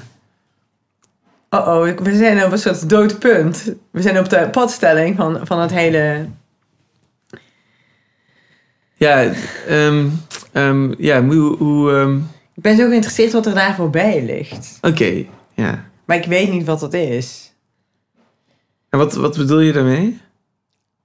Nou ja, dat als ik zwanger was en ik, en ik las Rebecca Solnit... en dan, dan kom je toch bij hele kleine, hele persoonlijke dingen uit. En dan eh baar je een kind en dat is dan een zoon. En dan zie je gewoon in de basis gewoon een, een template van een boy. En dan zie je zeg maar de, de, de mannen met wie ik mijn zoon opvoed...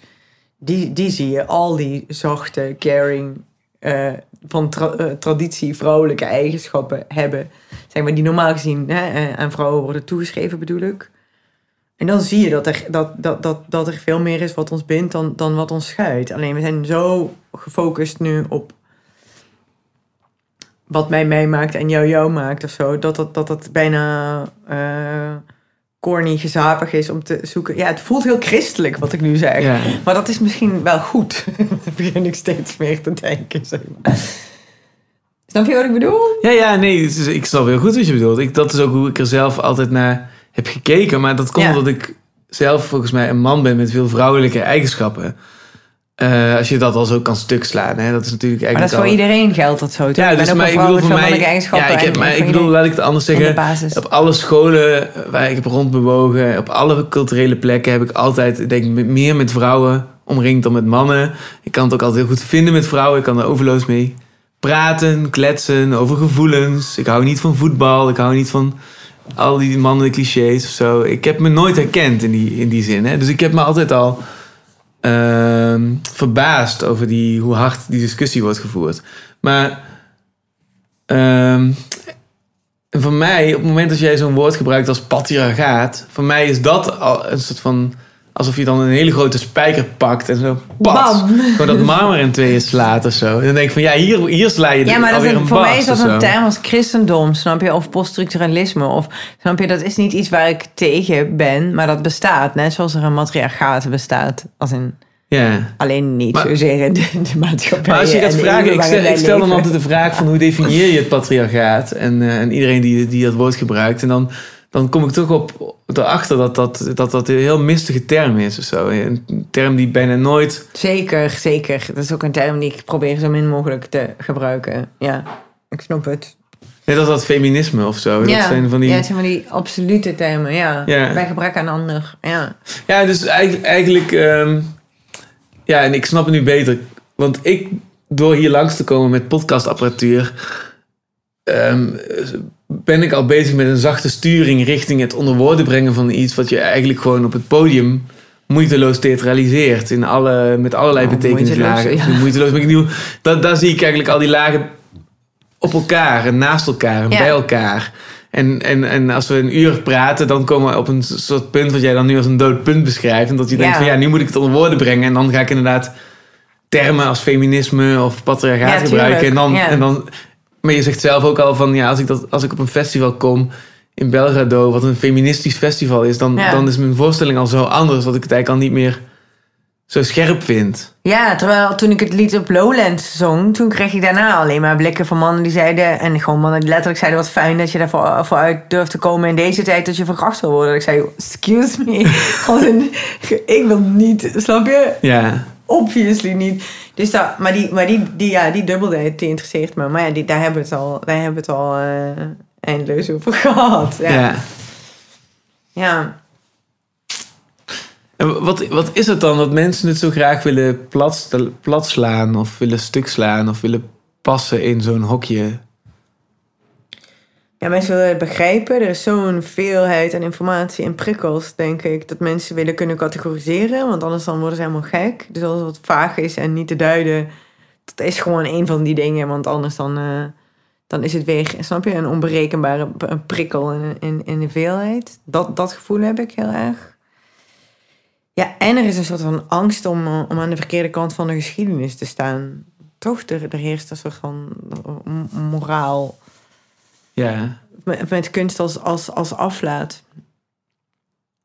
Ja, maar, maar dat kan ik niet, niet bieden. Zeg maar die. ehm, mijn volgende eh, productie heet dus Atropa. En de ondertitel is een intersectionele tragedie op techno en trap. Dus het gaat heel erg over die verschillende assen van onderdrukking. eh, Waar het hele idee van intersectionaliteit op gebaseerd is. Maar het is, en het is een stuk eh, Atropa van Tom Lanois die in 2008 heeft geschreven voor Guy Cassiers. En dat was toen een reactie op dat buitenlandbeleid onder George Bush. was net na het vallen van de Twin Towers en de tijd van Don't Attack Iraq.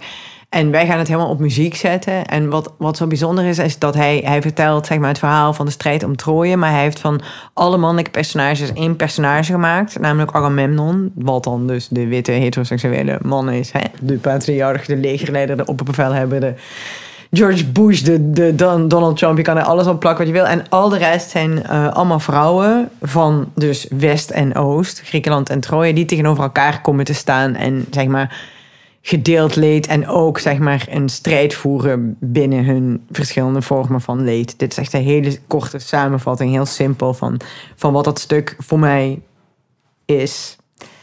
En, en ja, daarin merk ik dat ik, ik wil ten alle tijden al die verschillende mm, perspectieven kunnen verdedigen.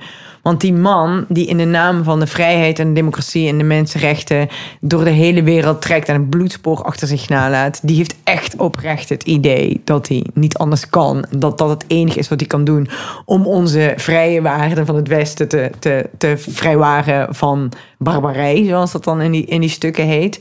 En je ziet aan de andere kant dat hij daarbij gewoon relentless culturen, filosofieën, vrouwenlijven, eh, beschavingen gewoon kapot maakt, zeg maar. Maar die, die twee perspectieven of 25 perspectieven tegenover elkaar zetten, zeg maar, dat, daarvan ben ik heel erg benieuwd wat dat straks gaat doen. Als en ik hoop zo erg dat we een stuk kunnen maken wat echt een soort van female death theater show wordt, maar waarin je die man ook snapt die man die baby's van torens gooit en. Snap je? Maar ik weet niet of iemand... Ik heb echt de allerleukste acteur ever voor die man. Zodat je echt de man van wie je niet denkt van... Oh ja, het is weer, het is weer zo'n eh, zo'n witte heteroseksuele lul. Maar gewoon echt iemand die gewoon heel begeesterd het goede probeert te doen als mens, als man, als kunstenaar. Ja, dus daar, daar ben ik heel erg benieuwd naar. En dat wordt een toneelstuk. Dat wordt een toneelstuk op muziek. Dus zeg maar niet het permanent destruction idee. Want als ik dat zeg maar wil doen, heb ik echt een jaar nodig. En dit is een stuk van anderhalf of twee uur. Dus dan zou ik drie jaar van mijn leven moeten steken in het doorcomponeren van dit. Maar eh, ehm, het is wel allemaal op muziek. En het is wel zeg maar op een beat en een doorgaand sound design. Dus het is techno, trap, drill, doom. Eigenlijk dezelfde genres als bij Permanent Destruction. Maar wel één hele boog. Echt met zeven spelers op toneel. En gewoon ja, zo'n zo'n eh, een, een klassieke tragedie. Maar dan is er niets klassiek aan. Ja. Ja, behalve eigenlijk alles. Want dat was wat het ooit was. wa- Was dat je zeg maar hedendaagse sentimenten op muziek zette in de vorm van een festival. En dan ging drinken en kijken naar herkenbaar leed, zeg maar, met z'n allen. Dus dat, dat is wel echt het meest klassieke. In die zin is mijn werk ook een terugkeer naar de klassieke tragedie, voor mijn gevoel. ja. Maar niet zoals wij dat nu zien als klassieke tragedies, of- maar, maar als partyen ten onder gaan met z'n allen, zeg maar. Om, om, het, om het leed van het jaar eruit te zweten of zo. Zeg maar, ja. Dat. Heb ik een lekkere pitch voor mijn volgende voorstelling gedaan. Ja. ja, ik zit te denken over. Ik zit, ik zit weer over dat. Dat eh, die, die, die, die witte eh, heteroseksuele man. Dat, dat, dat archetype. Wat nu de laatste jaren steeds voorbij komt. Als, een, als weer een stok om mee, om, om mee te slaan. Als een soort van. De ultieme aanstichter van al het leed van alle anderen. Eh, dat is ook een soort van. van ja, ik, wij zaten laatst. eh, Succession te kijken, zo'n nieuwe Ja. dramaserie. Zo. En ik vond dat een hele goede serie. En ik vind dus die, die man, die, die grote baas van dat, van dat eh, miljardenbedrijf of zo. Of Ja. ik weet niet. In ieder geval enorm, die enorm rijke man met zijn kinderen. Ja. Dat vind ik dan een heel charismatisch eh, eh, figuur. Ik, ik kan er echt met zoveel plezier naar kijken. Dus dat snap je. Dus, dus, dus ik. Ja, dus dan zie ik ook echt een portret van iemand met een enorm helder basistalent. Ik zie gewoon dat hij iets kan wat die kinderen allemaal niet kunnen. Een soort in het moment, een deal sealen, daarmee spelen en zo. Ja, ja. Dus ik vind dat een heel, heel eh, charismatische, innemende, boeiende figuur. Terwijl hij ook wordt neergezet als een soort van ultieme lul of zo. Dus ergens vind ik dat ook weer zo vanzelfsprekend... dat al die betekenissen daar op elkaar kunnen liggen of zo, snap je? Jij- zegt Grappig, ik had echt het omgekeerde bij die. Ik dacht de hele tijd van waarom maakt hij er nou geen gelaagd charismatisch personage van? Want da- daarvoor zijn alle scènes er, maar hij schreeuwt al zijn teksten. Ik vind die acteur dus niet zo fijn. Oh ja. Want iedereen daar speelt met een soort van, snap je, iedereen die zo zogenaamd de pineut is, is eigenlijk super pervers. Zeg maar, al die kinderen zijn echt super pervers en, en Ja. neerkantig. Maar die man schreeuwt alles. Terwijl ik denk, als je dit soort, als je dit soort personages speelt, dan, dan je had hem echt veel liever kunnen maken. Of zeg maar veel meer dat ik met hem, ik wil met hem mee kunnen en ik kan Ja. nooit met hem mee. Oh ja, ik kan dus heel ja. goed met hem mee. Maar dat komt omdat ik hem dus geloof op het level waar hij getalenteerd is. Mm. Dus net als met Donald Trump. Ik moest heel erg aan Donald Trump denken. Dat uiteindelijk is dat wel iemand die bijvoorbeeld als je dan zo'n rally van hem kijkt. Dat hij dus al die trucken ook inzet. Van, eh, dat hij charismatisch is en, en, eh, en mensen echt bespeelt of zo. Dat hij echt zo'n zaal kan zo bespelen dat mensen die daar zijn hem ja, charismatisch en interessant of boeiend vinden of grappig. Hè? En dat hij dat ook inzet om bepaalde eh, deals te sluiten. En dat dat, dat ook weer een soort van. Ja, dat, dat is een bepaald type mens of zo. Die, Ja. Dat is een heel specifiek talent. En dat is wat, wat in al die Trump-haat heel vaak wordt vergeten. Dat hij één ding wel goed kan. En dat is dat. En dat is het ook een beetje, vind ik, in die hoofdrol van Succession. Dat, dat hij doet heel veel dingen misschien eh, als een soort boerenpummel. Maar, maar hij kan heel goed in het moment heel precies aanvoelen wat een situatie nodig heeft. Elke keer opnieuw. En dat is, dat is niet alleen die rol, maar ook die acteur die dat dus wel goed neerzet, vind ik. Maar, maar o- voor even in het kader van how can I make this about me? maar als in de, het, het probleem wat ik daarmee vind, is dat mensen zo hard aangaan op de vorm dat ze vergeten wat de inhoud is. Dat is dus als je maar zo mooi mogelijk I, I will fuck you till you die zingt, dat iedereen denkt, jezus, wat een, wat een, wat een fijn lied. Zeg maar. Maar, maar iemand zingt wel, I, I wanna fuck you till you die, zeg maar. Dus, dus ik bedoel, eh, eh, zowel Trump als Obama zijn super charismatisch. Alleen dat luistert er toch wel echt heel nauw. Toch? Wat je dan, wat je dan wil teweegbrengen in de wereld. Tuurlijk. Maar Ja. ik bedoel, ik, ik zeg het natuurlijk omdat het interessant is. Omdat dat wordt vaak juist bij, bij Obama wordt dat meteen gezien en benoemd als een soort virtue. Bij Trump wordt dat overgeslagen omdat... In die mini-mini kringen waarin wij ons begeven, zeg maar. Daarin wordt dat o- overgeslagen, toch? Er is toch ook nog een verschil in, in, in, in hoe, hoe die, die, die, die mini-kring van media die wij lezen daarmee omgaan en de rest van de wereld daarnaar kijkt. Er zijn toch heel veel mensen die hem super charismatisch, als zou die toch nooit zo ver zijn gekomen als hij is gekomen, zeg maar. Ja. Ja, dus wat ik denk ik bedoel is dat het... ehm, ja, het is... Ik, ik reageer eigenlijk op jouw opmerking van... Ja, dat je moet kunnen meeleven met de bad guy. Zeg Ja. maar. Dat is echt belangrijk. En dat dat niet de bad guy is. Dat denk ik ook echt dat je die perverse sentimenten in jezelf moet kunnen herkennen. En dat vind ik belangrijk aan kunstwerk. Is dat je je dus kan inleven in dat waar je in je echte leven eh, niet noodzakelijk achter staat. Zodat je die kant... Want de- die andere kant is obvious, zeg maar. Snap je? Dat zoals dat eindeloos demoniseren van Hitler in al die Tweede Wereldoorlog films daarmee het, het side effect is dat je denkt dat dat is hoe een, eh, hoe een perverse ideologie eruit ziet. Terwijl die er veel simpeler en sympathieker kan uitzien dan een man met een snor in een outfit die zijn hand opsteekt. Ja, dus ik denk dat ik bedoel van... Dat is... Ja, want je hebt het over een, een mannenrol die je wil casten... en sympathiek wil of charismatisch wil krijgen. Ja, ja. Terwijl hij staat voor de onderdrukking van al die vrouwen, zeg maar. Ja, En daarom haal ik nu die gast van ik. Succession aan en ook die Trump, omdat ik denk van, van ja, voor mij is ook dat weer een soort van ergens, ja, eh, niet, niet zozeer evident, maar ergens ligt dat in elkaars verlengde zelfs. Dat ik denk van, natuurlijk is iemand die zo groot, op zo'n groot podium zoveel, tot zoveel manipulatie in staat is, ja, vaak, heel vaak iemand die ook al die andere eigenschappen eh, bezit. Die dus mensen om de vinger kan winden, die charmant kan zijn. Want anders kom je niet zo ver. Ja. Terwijl daar vaak in de beeldvorming achteraf een cliché Ja. wordt gemaakt van slechtheid. Dus, Ja. dus ik denk dat we daarin hetzelfde bedoelen. ja, ja zeker. En, en, bij, en, en, en daar voeg ik dan aan toe dat, dat dat dus ook allemaal in jezelf zit als je daarnaar kijkt, zeg maar, in, in potentie of zo. Ja, Of dat, dat, dat, dat vind ik belangrijk dat, dat, om dat voelbaar te maken of zo. Of om mezelf altijd te kijken van hoe ver kan ik me identificeren met dat waar ik dan gevoelsmatig tegen ben. Ja.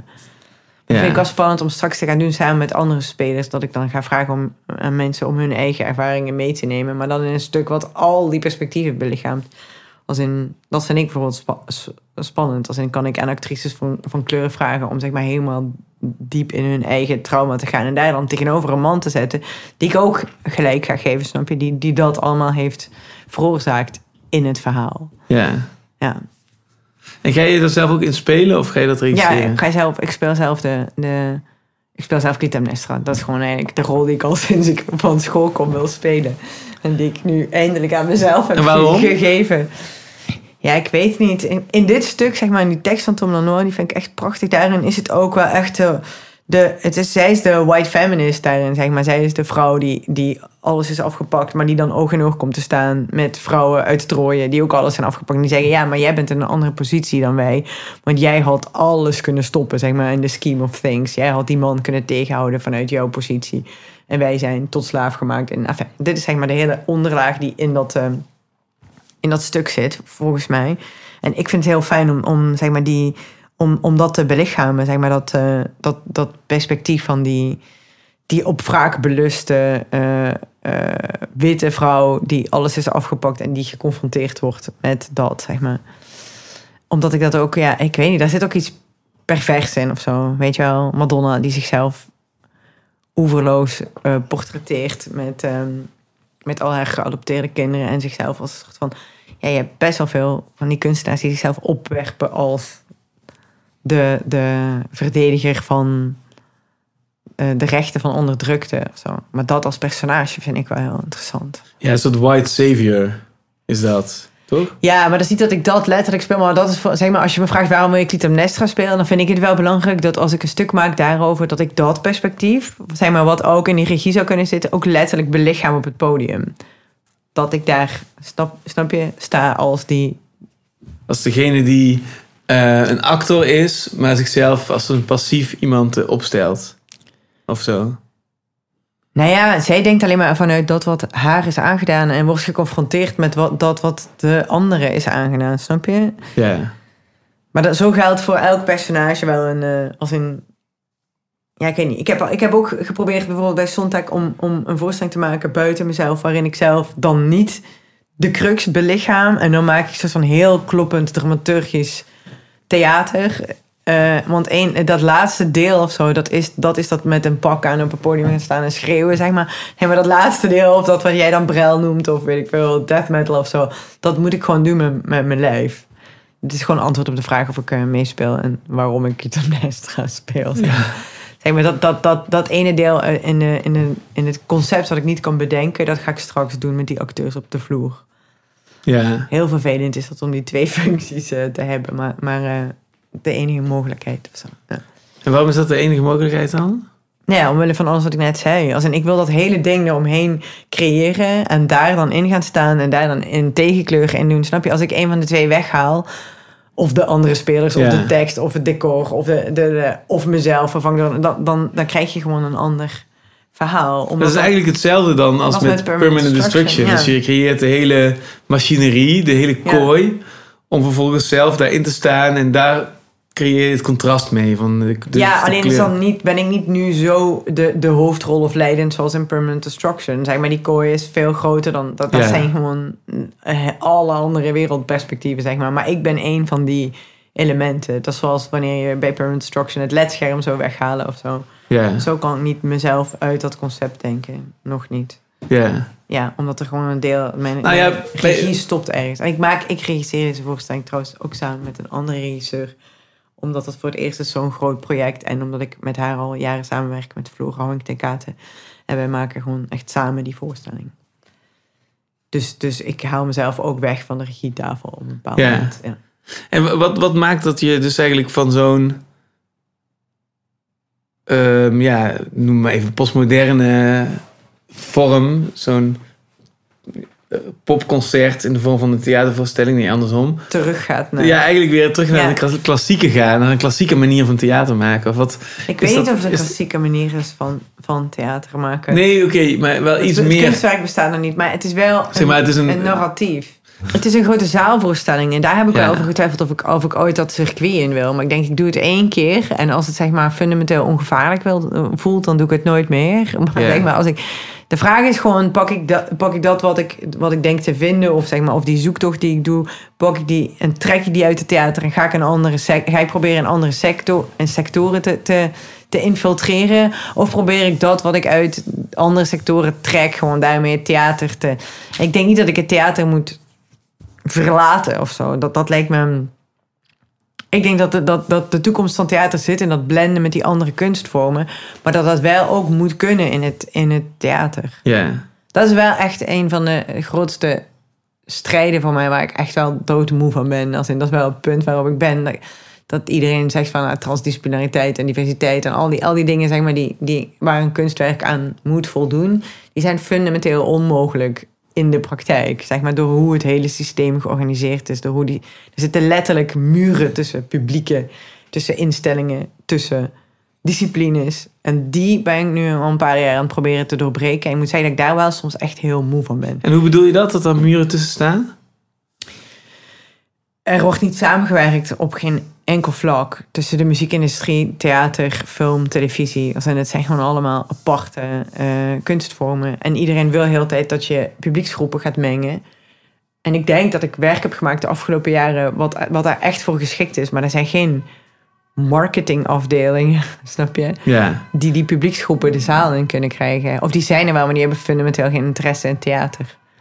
Een simpel ding was bijvoorbeeld die avond van eh, Opera O, waarop jij er was. Dat ik in Ja. Annabel die drie voorstellingen speelde. Daar heb ik echt twee maanden over gezoomd en vergaderd met de marketingafdelingen van het Opera Festival, de club waar ik stond en het theater waarmee het geproduceerd is. Om daar één avond van te maken en om het publiek van de club naar het Opera Festival en in het theater te krijgen. Snap je? Daarom stond ik daar. Ik stond daar om één reden en dat was omdat ik het Annabel publiek wilde bereiken. Omdat ik denk dat als je nooit naar theater gaat en je ziet dit, dat je denkt, oh ja, maar als het gewoon R&B is of het is gewoon een hardcore feest, ik bedoel, dan trek ik het ook, theater.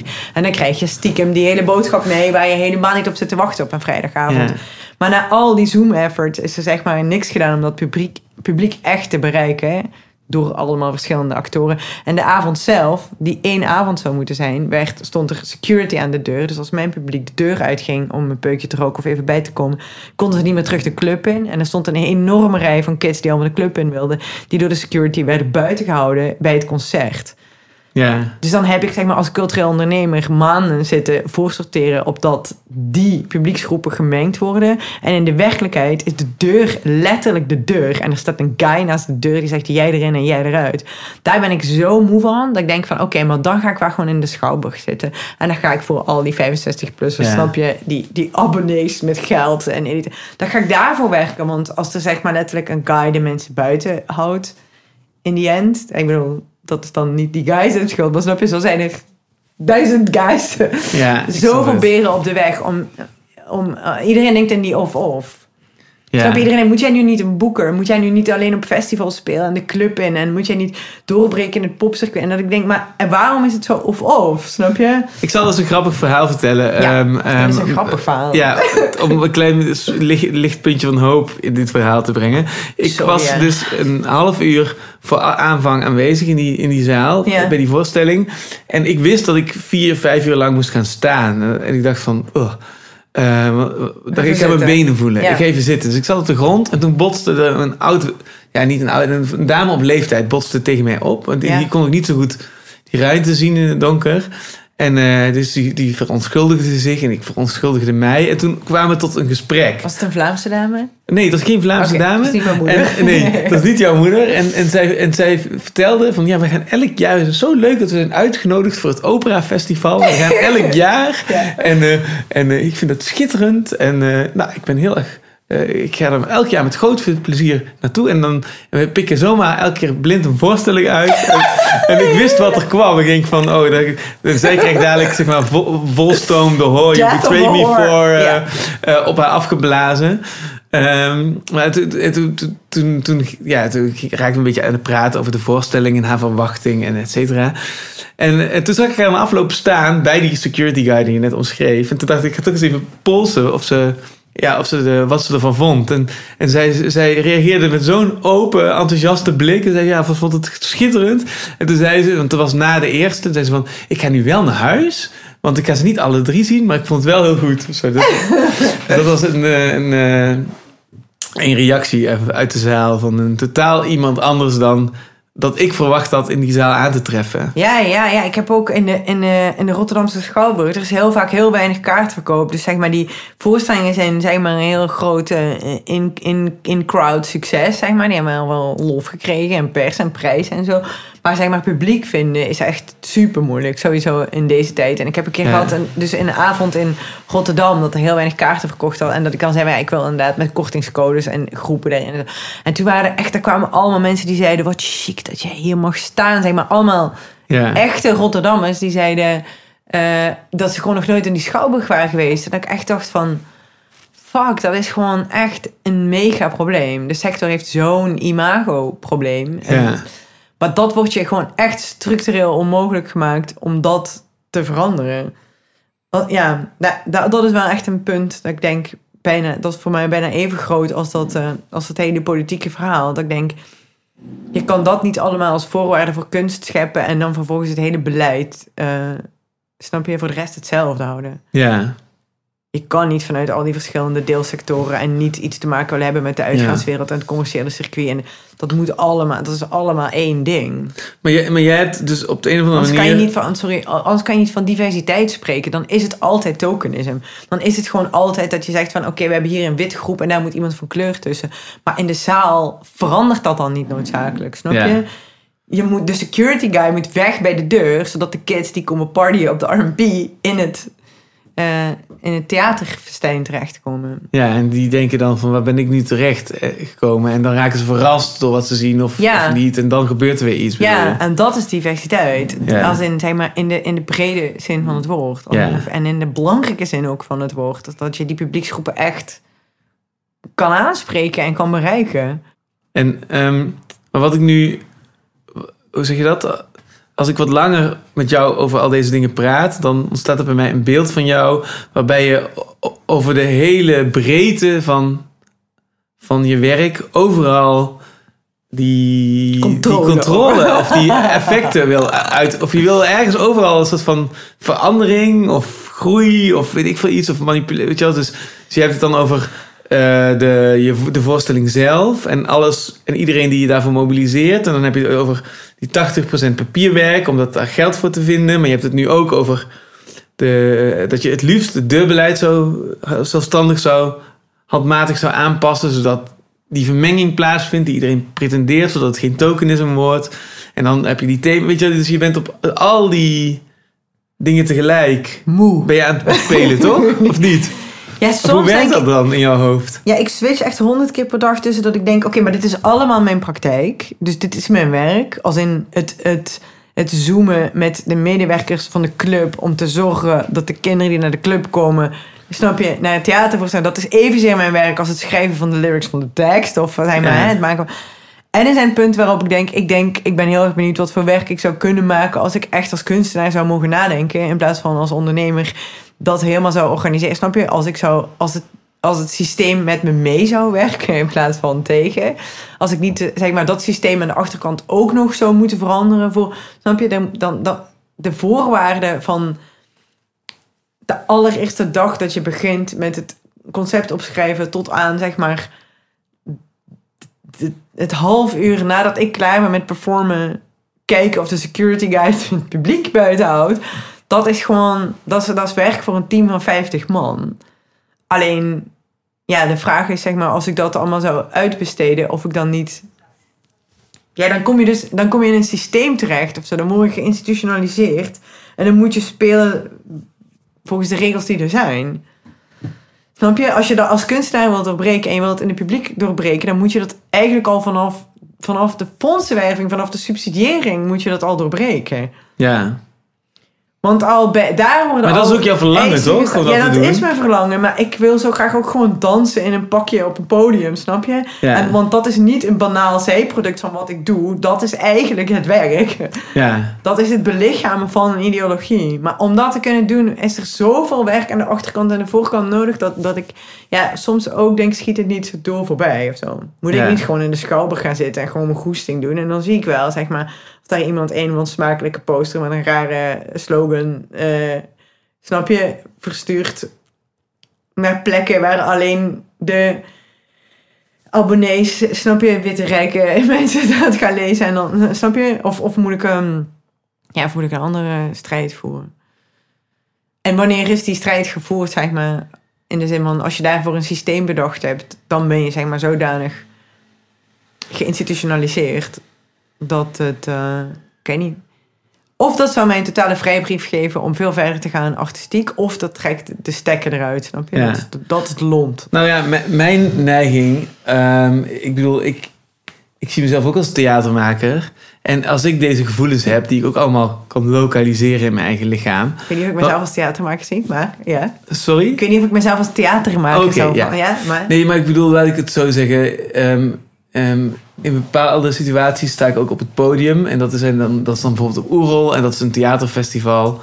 En in die zin ben ik dan op papier eventjes een theatermaker of zo.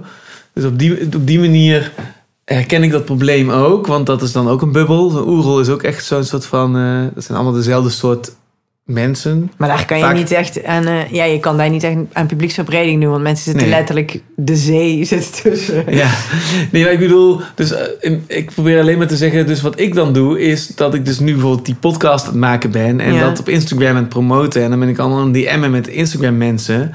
En dat vind, voelt voor mij als, als iets, of dat ik dan die YouTube filmpjes met Casper ging maken of zo. Dat, dat, dat is dan hoe ik dat zelf in mijn praktijk vertaal of zo. En dan heb ik dan, dan is een, een, frustratie die ik opbouw in die, in die theaterwereld of zo, die dan op een gegeven moment een soort boiling point, point heeft bereikt, die is in één keer weg, omdat ik iets heel anders doe. En dat voelt al als een soort frisse wind. Snap je? Dus, dus in die zin kun je ook altijd gewoon het schaakbord veranderen. En ik, ik had eigenlijk het idee dat je dat al doet door het in een poppodium eh, neer te zetten. Hè? Maar wat jij mij zegt is dat dat gaat met zoveel extra weer stress of gezeik of allemaal andere dingen gepaard, dat je bijna alweer een, terug verlangt naar hoe dat in zo'n zaal gaat. En dat, daarom dat ik dat net ook... Nee, dat eh, is niet waar. Als oké. dat is niet hoe ik terug verlang. Maar dat ik wel denk van... eh, dat mijn, mijn, mijn breeding ground of zo... of zeg maar mijn, eh, mijn basis, dat is die theaterwereld. Omdat ik ook wel echt geloof in theater... als in dat het zich kan vermommen als een welke andere kunstvorm. En er Ja. is daar gewoon een, eh, een, eh, ook een platform voor me. Als in, dus letterlijk, ik heb daarin publiek en geld Ja. en kansen, zeg maar, die ik niet... Als ik nu van mijn hele carrière zou moeten een speerpunt maken... dat ik wil doorbreken in de popcircuit... dan moet ik echt van nul beginnen. Snap je dat? Ja. Dan moet ik Nee, echt, ik snap dat is echt Ja, ja, is. Dus voor mij is het nooit een terugkeer. En ik verlang niet terug naar die, naar die safety van het theater of zo. Maar nee, ik, nee, ik, zie het dan ik, eerder stel als... mijn vraag helemaal verkeerd. Nee, maar ik zie het dan meer eerder als mijn taak om dat wat ik ontdek in de wereld, en die crossover, om dat mee te nemen in het theater, dan om dat theater echt helemaal uit te dragen naar de hele wereld. Zeg maar dat, dat, Ja. dat, dat is een bijproduct van wat ik doe. Als dat wordt opgepikt internationaal en in een popcircuit, super. Maar ik ga niet, eh, als in dat is het doel. Maar ik ga niet alleen maar als cultureel ondernemer de hele tijd pushen op die carrière Ja, omdat dan ik gewoon echt geen puff meer over heb om, om na te denken in het kunstwerk zelf. ja. En als ik een film ga maken, dan ga ik dat ook theater noemen. Snap je? En nu maak ik een tragedie op muziek, wat voor mij echt een reefavond is. Maar dat is, laten we het gewoon theater noemen en ervan uitgaan dat als theater wil overleven, het alles kan zijn. ja. Maar dat het niet noodzakelijk alleen maar moet zijn dat je al die goede mensen verliest aan contentcreatie voor fucking Instagram, Nowness, weet ik veel. Snap je? Je kan ook denken dat al die creatives uit de sector weggaan, omdat ze als ze in een ander circuit opgaan, veel grotere ehm, groepen bereiken, geld opbouwen, beroemd worden. Snap je? Als ik als actrice zeg maar, al, alleen maar films en, en series zou doen, dan zou ik veel meer geld en veel meer exposure hebben. Als ik zeg maar content zou creëren voor, weet ik veel, eh, andere kunstenaars en videoclips of whatever. Snap je? Dan, dan zou je, als dat het doel is, die maximum exposure, dan, dan, dan heb je niks meer over om zeg maar dat soort werk te doen. Nee, ja, ik Lady bedoel Gaga kan anders. zich niet ophangen op de Super Bowl, want Ja. zij is Lady Gaga. Snap je? Nee, maar ik bedoel niet die ma- ma- maximale exposure, maar ik bedoel dat... eh, de- wat ik dus grappig vind, als ik naar mezelf kijk, is dat zodra je accepteert dat wat je doet, in mijn geval dan schrijven of theater maken, als ik dat op Instagram doe, dat ik al meteen die andere wereld heb of die bubbel heb opengebroken. Terwijl dan kom ik er dus achter dat ik iets wil van die theaterwereld blijkbaar. Dus dat, dat mijn verlangen in die subcultuur is, wat uiteindelijk eh, de richting bepaalt. En dat, en dat, dat is denk ik wat ik wil gieten in een vraag naar jou. Van ergens zie ik dat je die potentie ook hebt om ook gewoon totaal buiten die, die gebaande paden te treden. Ehm, en, en, en ergens zie ik bij jou dus ook een soort van. Dat je dus ook iets wil van die wereld, van die subcultuur. Die je ook van binnenuit ergens wil veranderen of transformeren of vernieuwen. Of weet je wel. Dus Ja. ik denk dat ik dat bedoel. Ja, dat wil ik zeker. Als in, we gaan, we gaan op Lowland staan, geprogrammeerd als band met Permanent Destruction, echt in de X-ray als gewoon elektronische eh, muziekact. Dat is voor mij echt als ondernemer een enorme verworvenheid, zeg maar. Omdat ik denk, daar heb ik zeg maar een publiek voor me... wat echt Naomi Felicerio, de theatermaker, echt totaal nooit van gehoord heeft. Dus als je daar, zeg maar, eh, Death of War of Rape Me Till I gaat zingen... voor een publiek wat dronken is en wat uit heel Nederland komt... En dat, dat is echt iets anders. Ik, ga, ik heb een, een commerciële televisiereeks gedraaid... of nou ja, deels commercieel, deels... En dat ik denk van, ah ja, die gaat over thema's die heel erg raken aan de thema's in mijn werk. Dat ik denk, ah ja, maar dan heb ik dus daar als actrice straks een exposure, zeg maar, op NPO 3, waar, eh, die ik echt als theatermaker nooit zou hebben. Maar ik hoop wel dat ik dat kan meenemen in het theater, snap je? Dat Ja. die publieken dan straks in de Schouwburg in Den Haag gaan zitten. Want je zou ook kunnen zeggen, ik verlaat dat theater en ik ga alleen nog maar... ehm, Snap je, mij focussen op die andere publieksgroepen Ja. en die infiltreren met mijn boodschap. Precies. Terwijl Ja. ik dat, dat ook doe voor dat boomerang effect. Dat ik hoop dat straks die NPO 3 kijkers en die, die dronken techno-liefhebbers van de X-Ray in de Schouwburg gaan komen zitten. Ja. En dan kijken wat dat doet met die Schouwburg. Maar en, ehm, ja, nu we toch het inventariseren zijn, wat al die bordjes zijn die je moet hooghouden en al die rollen die je moet aannemen om één zo'n productie. Kan je nu Eh. zo voor mijn kind vragen? Nee, ik ben gewoon benieuwd of we er nog één vergeten zijn. Ja, moeder hebben we zo hebben we nog niet bij betrokken. Maar wat, zijn nog meer? Oh, sorry, dat is de geautomatiseerde brokkendispenser van mijn kat. Het is half het, ja. twee. Ja. Ja, Het is mooi. lunchtijd voor de kat. En, maar ik bedoel, zijn we, nog, zijn we nog rollen vergeten in die inventarisatie die, je ook nog, die er ook nog bij horen? Bij wat je allemaal moet doen achter de schermen om zo'n om zo'n project eh, van de grond te krijgen. Nee, ja, er zijn echt eindeloos veel rollen. Maar dat, dat herkennen denk ik veel eh, cultureel. Het, hangt er vanaf. Je kan dat gewoon op elk moment beslissen, zeg maar, hoe je dat doet. Of je, als je een gastregisseur bent, is dat anders dan wanneer je je eigen collectief hebt. Is dat iets anders dan wanneer je artistiek leider bent van een businessinstelling. Is dat iets anders. Als in dat, het hangt er vanaf in welk project en welke persoon en welke... Ik, ik ga niet roepen wat ik allemaal Nee, nee, doe, nee. zeg nee, maar. dat begrijp ik. in. in een jaar. eh, eh, ehm, ja, voor, voor mij is gewoon de, de, de keuze is gewoon dat, dat, dat ik moet bepalen of dat dat echt onderdeel uitmaakt van mijn artistieke praktijk. Of dat ik mijn artistieke praktijk daar ook tegen moet beschermen. Dat is voor mij een grote vraag. Zeg maar. Ben ik een kunstenaar slash ondernemer? Of, eh, of wil ik gewoon een team van ondernemers om me heen, zodat ik echt een kunstenaar kan zijn? Ja. Want Ik, vond, ik weet wel dat ik het een shock vond om te ontdekken dat, dat, dat, dat, dat dat twee verschillende dingen waren. Dat mensen eh, die iets in de culturele sector willen doen, eigenlijk bijna vanzelfsprekend ook ondernemer worden. Ik weet nog dat ik als kind of als tiener een romantisch beeld had van een kunstenaar of van een artistiek leven. En dan op een gegeven moment zie je dat dat ondernemerschap erbij hoort. En dan denk je van, what the fuck, zijn, dit, die, zijn al die mensen dat achter de schermen allemaal die manier aan het aanpakken? Er ging ook een hoop verloren van van de mystiek of zo. Ik weet niet, als ik dan denk aan Heiner Müller of, of Sarah Kane, waar ons gesprek mee begon, ja. dan heb ik helemaal niet dat beeld dat dat zeg maar gewiekste carrière-tijgers zijn. Dan heb ik het idee dat dat kunstenaars zijn in een veel klassiekere zin van het woord. Gewoon rauwe persoonlijkheden. Nee, maar kijk, wat ik doe is niet rauw, eh, dat is niet rauw carrière tijgerisme of zo, zeg maar. maar Nee, dat begrijp wat ik nu doe met jou, zeg maar, de, de mensen die in de sector zitten en die kunstenaars ondersteunen, die doen dat omdat ze echt eh, oprecht geloven in die kunstenaars en denk ik ook energie krijgen van dat gesprek met die kunstenaars. Ja. Dus in de praktijk weet ik dat als ik dat gesprek voer met een curator van een groot festival, een, eh, eh, eh, een, iemand die zeg maar een, een fonds kan toekennen, een speelplek kan geven, een, een co-productie bijdragen, een andere kunstenaar engageren, dat de kans het grootste is dat die personen ja gaan zeggen op alles als ik dit met hen doe wat ik nu met jou doe. Alleen als je dit de hele dag doet, dan, dan ben je ook moe. Ja. zeg maar. dus, dus je doet eigenlijk hetzelfde wat je op het podium doet, maar dan de hele dag in een microfoon, in de vorm van telefoongesprekken, e-mails en, en koffieafspraken. En aan het eind van de rit heb je gewoon een heel groot team en een budget en een speelreeks en gewoon precies dat wat je wil hebben, zeg maar tailor-made. Als in ik sta op de plekken waar ik wil staan en ik werk met de partners met wie ik wil werken en eh, elk lid van mijn team, van, van een geluidstechnicus tot de acteur, tot de, is echt handpicked bij me. En dat, dat levert echt op dat, dat, dat ik kan maken wat ik wil maken. Alleen dat, dat samen krijgen van al die factoren, dat is gewoon een eh, kantoorbaan. En dat kost gewoon wel 10, 12 maanden per project om dat, om dat op poten te zetten. Ja. Ja, dus, dus, ja, dus, de, de, de, de, dus de, het mes snijdt aan twee kanten. Uiteindelijk is het helemaal zoals ik het wil. Maar ik had nu... Ik, je treft me nu op een punt dat ik bijna zo moe was van de voorbereiding... dat ik bijna denk van... Snap je? Pff, Laat iemand anders het maar doen. Ja. Dat ik, terwijl ik denk, dit is alles wat ik van 6 juli 2021 heb gedaan... tot straks 10 november 2022 is zeg maar om dat ene kunstwerk van anderhalf uur dan twintig keer te mogen spelen op die paar plekken. Ja. Maar daar zit dan zo'n lange voorgeschiedenis aan.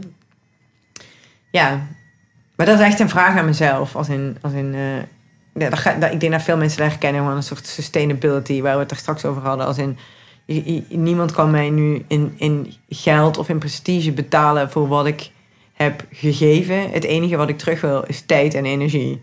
Ja. Dus je wil een soort ruilhandel waarin je eh, werkt met mensen waar je evenveel energie van krijgt als dat je geeft. En waarin dat je bij elk ding dat je tijd insteekt aan de achterkant weer tijd wint om te leven. Ja. Ik hoor weer de boor. Ik ga hem heel even... Ja. Ja, dus eh, ik had weer even pauze gezet vanwege de boormachine. en we hadden weer hetzelfde. Dus nu voor de, voor de laatste bocht van ons gesprek... dacht ik weer tijdens de pauze van... oh ja, dit zijn weer allemaal dingen die eh, boeiend zijn. En nu zou ik het willen samenvatten met dat je zei... ik verzet me eh, tegen dat hele idee van infotainment. Want waarom zou ik... hoe kan ik, al- als ik niet een jaar over een voorstelling nadenk... hoe kan ik dan eh, een toegevoegde, van toegevoegde waarde zijn voor iemands tijd? Ja, dus dat, is mijn vraag. Kun je, daar, eh, kun je dat toelichten? Ehm, ja, dat, kwam, dat is eigenlijk vanuit een soort eh, een weigering. Weer, zoals, zoals ik vind dat kunst niet moet zijn een aflaat. Of dat je zeg maar dan je op een goede manier tot, tot de wereld of de geschiedenis verhoudt. Zo- vind ik dat, dat, dat kunst ook niet mag zijn. En ik vaak de tendens heb dat mensen gewoon even iets nieuws willen leren. Dat zeg maar door de televisie en door de infotainmentcultuur. Dat mensen een voorstelling graag willen zien eh, als een soort illustratie van een, een, een gedachte of een, een, een essay. Of een, en daarom verzet ik me erg tegen ook het idee van, van contextprogrammering, waar we het net over hadden. Dat ik niet vaak willen marketingafdelingen. Dat ik, eh, weet ik wel, dat er dan een spreker komt die het over depressie gaat hebben. Als ik een voorstelling doe over Sarah Kane. Wat heel logisch is, want ze pikken er één hangijzer, één thema uit. En creëren daaromheen context om dan zogezegd de verdieping te hebben. Maar dan sla je precies dat over, zeg maar, wat in dat kunstwerk zit. Namelijk dat het niet zo eenduidig is. Het, het kunstwerk is niet een illustratie van een, een thema. Want, want als je het thema depressie eerst helemaal uitlegt en suicidaliteit... en dan vervolgens eh, vanuit die afstand ernaar aan... zie je zo kijken mensen die, eh, weet ik veel, racistisch zijn... zelfmoordneigingen hebben tegen de wereld aan... dan plaats je jezelf er alweer buiten, zeg maar. Ja. Dan maak je het heel veilig. Dus dat, dat, dat, dat is waar ik nu zelf even zat met dat, met dat idee van, van Ja, want- context en een nuttige avond en iets nieuws leren Ja. en zo. Dat, dat, dat is veel eh efemeerder of, of on, on- dat zit in de, de, dialectiek en de schuring tussen die inhoud en, en die vorm, zeg maar. Dus als je, dat, als je een van de twee eruit pikt en die gaat uitleggen, dan eh, dat is even erg als een van de twee weglaten voor mij. En infotainment is voor, voor mij is, is, is, is, is iets wat precies dat is. Zeg Ja. maar. Je pakt gewoon een thema en je go- gooit het in een lekkere vorm en dat noem je dan kunst. En dan, eh, ja, prima, dat bestaat, bestaat ook. Ja, want Ja. bijvoorbeeld, ik moet nu denken, nu je het zegt aan het stuk psychosis van Sarah Kane, wat Ja. gewoon een live-action psychose is, durende Mm. twee uur s'nachts of zo. Ja. En dan, 48 jaar. ja, ja, inderdaad, het, het, eh, ehm, ik was de tijdcode even kwijt, Ja. aan ik de halve titel oplezen. Ja, ja.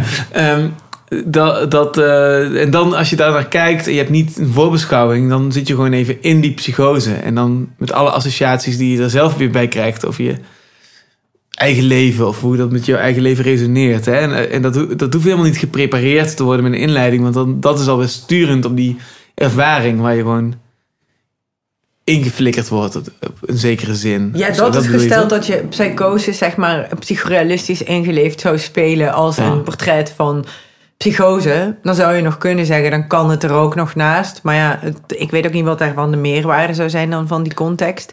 Tenzij dat je dat doet om, weet ik veel, mensen eh, een gewaarwording rondom eh, hoeveel depressie en psychose er wel niet zijn in Nederland. Ja, als dat dat je Ja, dat, dat, dat kan. uitrol. Ja. Eén op de vier mensen worstelt met Ja. gedachten aan zelfmoord. Dus eh, dat je dat als Ja, maar en, en in mijn voorstelling is het dan niet eens dat. Het is niet eens dat ik die psychose zeg maar uitbeeld. Als in ik gebruik hem dan weer als vehikel om iets anders te zeggen. Wat is waar we het al de hele tijd over hebben. En die Ja. kruising zit tussen. Wat als je Lady Gaga of Drake of Rihanna kruist met dat gedachtegoed over psychose van Sarah Kane. Dan is dat weer nog iets anders. Dus dan heeft het al helemaal geen zin meer om over die psychose zelf te gaan zitten praten, zeg maar. Ik had laatst met iemand erover dat, dat, dat een toneelstuk van bijvoorbeeld Beckett of zo, wat daar zo krachtig aan is, is dat dat over een geabstraheerde manier, op een geabstraheerde manier gaat over, over dingen die ons allemaal aangaat op een dieper filosofisch level of zo. Dus in die zin zou je erop moeten vertrouwen dat als een kunstenaar op die manier dat stuk heeft doorontwikkeld, dat het uiteindelijk iets raakt wat ons allen aangaat. En dus op zo'n manier, als je het dus van tevoren, als je een lezing over één thema hebt en dat eruit ligt, dan sla je het alweer een beetje plat ten opzichte van die gedachte. Ja, en het heeft een andere waarde dan een lezing van een thema. Want als ik het- iets zou willen, zeg maar, stel ik zou iets willen bespreekbaar maken of inzichtelijk, dan zou Ja. ik inderdaad een lecture performance doen. Of dan zou ik een, eh, ja, of dan ik een debat doen, zodat ik iets bespreekbaar. Maar ik wil iets voelbaar maken, dus, dus, dus, dus ik kies een andere vorm. Als Ja. de waarde van het toneelstuk of het concert is een andere waarde dan de waarde, snap je? Ja. En soms versterken die elkaar en soms gewoon niet. Ja, want fictie of een voorstelling of een. Of, eh, dat zei laatst ook iemand van dat, dat kan je iets laten voelen wat je niet onder woorden kan brengen. Dus dat Ja, is een dus soort van. gaat- dat is de toegevoegde waarde van kunst in die zin. Ja, want mensen willen, ja, anders altijd dat alles bespreekbaar en, en, en inzichtelijk is of zo. Dat het nuttig is en, en inzicht geeft. Of dat het taboes doorbreekt. Terwijl dat kan ook zitten in dat je gewoon echt heel erg boos wordt over een nummer of zo. Dat is iets anders dan de, ja. Ik moet denken aan voor Sontag, zeg maar, de voorstelling die ik maakte voordat ik die Permanent Destruction trilogie maakte. Toen heb ik een eh, essay geschreven voor de correspondent waar we het over hadden. En dat ging over eh, het falen, zeg maar, over Sontag, haar, haar, haar falen. En, en het was een soort pleidooi voor mogen falen.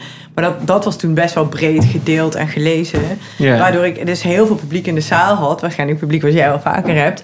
Wat kwam voor het stuk bij het stuk. Die kwamen voor het toneelstuk bij het essay. Dus die waren helemaal weg van het essay. En die waren heel erg teleurgesteld. Omdat het, eh, het, het theater daar niet op leek. Ja. Dus, die gingen, en dus had ik ook allemaal nagesprekken van mensen die zeiden van... ja, maar in het essay zeg je dat maar in het stuk zie ik dat ze toch wel echt gewoon als een slechte moeder wordt geportretteerd. en ik zo, eh, ja, oké, maar dat is iets anders dan over ik die als zeg maar theatermaker, onderzoeker iets schrijf over Sontag als historische figuur en de voorstelling Sontag. Maar dat is al veel te ingewikkeld, zeg maar. Wat deed je nou dit, deze, deze stem met een soort Nederlands, Nederlands Ja, omdat ik een soort van eh, elitaire correspondent lezende Nederland eh, in mijn zaal had. Dus Oh ja, die, ja, ja, die kwamen allemaal... eh, Het waren van die Nederlanders. Ja, dus die gingen mij de hele tijd en ze zeiden van ja, maar dan vind ik dan ook wel dat je de, weet ik veel, de, de, de, haar kritiek op de politiek, eh, binnenlandse beleid in Amerika had mogen betrekken in je voorstelling. Dus iedereen ging mijn voorstelling als een soort, ik bedoel, de voorstelling aan zich was een succes, even tussen aanhalingstekens, los van het feit dat dat niet hoeft. Maar, maar eh, de mensen waren, die het artikel hadden gelezen, die waren Teleurgesteld. nou ja, boos omdat het iets anders was. Terwijl ik dacht, ja, oké, dat moet ik dus niet meer doen. Ik moet niet op voorhand als PR-stunt, want dat werkte wel heel goed. Daar kwam heel veel publiek op af, wat ik normaal Ja. niet had. Namelijk de correspondentlezers. Ja. Maar eh, dat was niet per se het gedroomde publiek Ja. in de zaal, om zeg maar de poëtische onderlaag. Er komt een soort voelen. bubbel in een bubbel komt binnen. Ja, ja, die boos waren op de acteurs, omdat ze zich anders gedroegen dan de theorie van het, van het essay eh, de- deed geloven. Wat grappig. Ik dacht van, ah ja. Dus, dus zeg maar, bij de HM Concert heb ik dat gedaan met het artikel in de Groene Amsterdammer over die vrouwenrollen. Maar dat heb ik wel, dat artikel komt na de voorstelling. Nou ja. Dat, is- dat is wel, eh, dan is dat niet de bril waardoor men naar de voorstelling kijkt. Want dat is echt heel gevaarlijk. Want dat is zo lekker om te Ja. kunnen duiden. Dan, dan kun je geframed en geduid en geanalyseerd worden. En, ja, dat wil je natuurlijk niet. Die, die Susan Sontag is toch ook echt zo'n zo'n perfe- rasperfectionist. Dat Ja. heb ik altijd. zo Van, dus het is ook logisch dat, dat zij dan komt met iets van... je moet mogen kunnen falen of zo. Ja, nee, volgens mij was dat, eh, was dat mijn theorie over het, eh, ik weet het al zelfs niet meer, het is zo lang geleden, over, dat, over haar eindeloos falen. Volgens mij wilde zij niet falen. Dus dat is het laatste wat zij Oké, wilde. ja, ja. ja. Maar zij, ja, ik weet niet, zij, zij, zij voelde zich de hele tijd alsof zij faalde. En zij verbeterde zichzelf steeds, zeg maar. Zij, Ja, ja, zij- ja. zij deed ook steeds nieuwe edities van oudere essays met nieuwe inzichten in de pre-notes, weet je wel. Gewoon, inderdaad, gewoon een extreem consequente denken, ja, ja. Waar je een hele hoop van kan vinden. Maar ze is daardoor wel echt extreem ver gekomen in bepaalde eh, gedachten. ja. Goed, omdat zij gewoon echt oprecht, of het nou ging over fotografie of over ziekte of over taalgebruik Ja. of over politiek, gewoon de ultieme consequentie zocht van een gedachte. Ja, waar ik dit zei, bedoel ik dat. Dus alsof je met jezelf nou, per seconde wijzer aan het spelen Ja, maar dat is wel- je eigen geest. Ja, ik vind dat wel, dat, ik bedoel, dat is echt een, een recept voor ongeluk, zeg maar, zag je in haar geval. Maar eh, ook, ook een, eh, een formule voor, nou ja, ik kan niet aan, ja, gedachte-experiment of zo. Ja. Zij heeft, heel, zij heeft echt waarde toegevoegd voor mij. Want dat was ook haar grote doel. Als in toen zij, zij heeft, zij heeft volgens mij drie keer kanker gehad. En haar angst was dat zij zou sterven. Terwijl zij nog zoveel waardevolle dingen te zeggen had. En dat de wereld die niet zou horen. Ik bedoel, dan kan je zeggen dat is gewoon insane narcistisch in de basis. Maar dat is ook heel eerlijk en puur of zo. Dat zij denkt, als ik nu Ja. sterf, dan gaat alles wat in mijn hoofd zit verloren. Dat is een kunstenaar die zichzelf zo serieus neemt. Ja. Ja. Ja, dus, dus, dus het is mooi dat je dan naar die gekte kijkt. Maar het is, het is wel een vorm van gekte natuurlijk. Ik weet niet of dat gekte is. Ja, het is een. Zoals, zoals iedereen ook een beetje gek is. Toch? Allee, ja. Ja. het, gaat maar over wat dat je nodig hebt om, om betekenis te geven aan je leven. Ik zat Ja. laatst zo'n essay van haar te lezen waarin ze dan over China heeft. En dat is gewoon 50 pagina's lang lijstjes. Terwijl het er nog niet is geweest of zo. Oh, ja. En dan op een gegeven moment denk je gewoon van, ga gewoon. Ja. Of zo. En was het een, was het een eh, essay of was het zeg maar zo die noot als Ja, of een kort verhaal of zo. Of een, ik, weet niet, ik weet eigenlijk niet. Ik, ik las het als een essay. Nou ja, ja. Maar eh, toen dan op een gegeven moment ga ik gewoon, word ik een beetje kriebelig van dat dwangneurotische uitdenken van alles. Ja, En dan denk ik gewoon, ga gewoon even naar China en kom terug met wat het was of zo. ja, ja. En, maar tegelijkertijd vind ik het dan, wat ik dan interessant vind, is dat ik denk van, oh ja, dit illustreert een denkend hoofd of zo. Dit is gewoon iemand die met zijn, ga, met, met de eigen chaos ook weer haar manier ook weer het leven bedwingt of zo. Ja, dus ik vind dat dat, vind ik een vruchtbare gedachte dan, van hoe je iemand bezig ziet, wat dan weer troostrijk is, omdat dat ook iets zegt over wat je zelf aan het doen bent of zo. Ja, het hangt er maar vanaf wat je prioriteiten zijn of zo. Wat ik mooi vond was aan die dagboeken om te merken dat zij dus inderdaad doodongelukkig en afgewezen in seksuele zin en, en zeg maar in liefdes en dus dat zeg maar het, hoe groter het succes werd in de buitenwereld, hoe groter de ellende aan de achterkant. Wat natuurlijk een, een cliché is ook bij, bij celebrities en zo. Maar, maar eh, ja, wat ik ook een troostende gedachte vind of zo. Dat ik denk van, ja. je hebt, je hebt het in, in, die, in die grote, in die carrières van die grote pop- en, en rockartiesten heb, heb je vaak zeg maar, dat punt waarop je beseft dat, dat hoe groter die ehm, exposure en dat succes is, hoe groter het gat aan de achterkant. Dat is niet meer te vullen. Zeg maar. Hoe meer Ja. likes je krijgt, hoe onzekerder je wordt als het er een paar minder worden.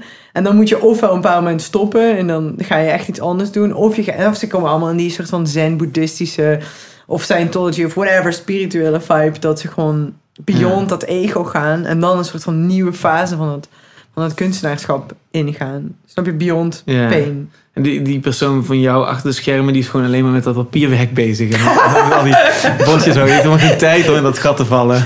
Nee, ja, met dat derde deel van die trilogie probeerde ik wel een soort van aan de buitenkant te faken dat ik zeg maar of age gekomen was. Dus dat het Ja. een soort coming of age was. En dat ik nu daaraan beyond was, nu ik een kind had. En dat ik zeg maar... Ja, soms, soms ben ik gewoon bang dat als ik oké ben met mezelf, waar ik natuurlijk naar op zoek ben, dat ik daar geen enkele reden meer heb om op een podium te staan. Maar stiekem denk ik dit nu over alle mensen die op een podium staan. Denk ik, oh ja, maar jouw ego deficiency of zeg maar jouw persoonlijkheidsstoornis moet gewoon precies zo groot zijn dat je daar gaat staan en die microfoon pakt. Want anders, Ja. anders ga je gewoon in je tuin zitten of zo. Dus dat vind ik ook een troostrijk gegeven. Dat ik denk, ah ja, misschien mag ik gewoon forever mijn die- ego-strijd blijven voeren. En die, In het openbaar. ja, ja, ja. Dus dat, dat die zelfacceptatie of die zoektocht daarna, is dat iets wat, wat, die, wat heel, heel aanwezig is? Of is dat iets heel, iets wat heel erg op de achtergrond zit? Of hoe? In wat? In mijn leven? Of, of nou ja, eh, wat je, waar je nu naar refereert. Je zegt van dat, dat, dat er een element van jezelf moeten accepteren ach- altijd als een motor eh, onder of achter zit. Ja, tuurlijk. Ja, dat, dat, dat is zo... Ik bedoel, je kan, je kan eh, maar eh, eh, je kan eh, één of twee kunstwerken maken uit dat je zo boos bent op de wereld of zo. En dan is het toch ook gewoon op of zo. Op dan een paar Ja, momenten en kom je jezelf tegen. Ja, of je begint bij je eigen shit en je wordt dan boos op de wereld. Maar je moet ergens op een bepaald punt als mens, denk ik, net als als kunstenaar, moet accepteren. Ja.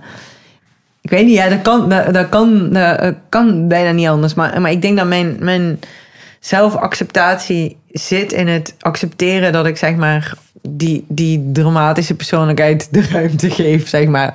Snap je? Om Ja. ongegeneerd, verdrietig en boos te zijn op een podium, maar wel met een zelfbewustzijn van dat dat niet de waarheid is. In die zin is het ook een soort van uitlaatklep, eh, therapie, eh, waar niks mis mee is. Ja. Maar ik gun het alle mensen. Om, als, ik, als ik daarmee andere mensen ook kan aansteken om hetzelfde te doen, zeg maar. Als je dat kan aanstippen en dan weer uitzetten, dan is dat wel echt een mega opluchting. Dan, dan wanneer je de hele tijd dat, dat ressentiment met je meedraagt in de wereld of zo. Of daarin gaat geloven dat dat de weg is of zo.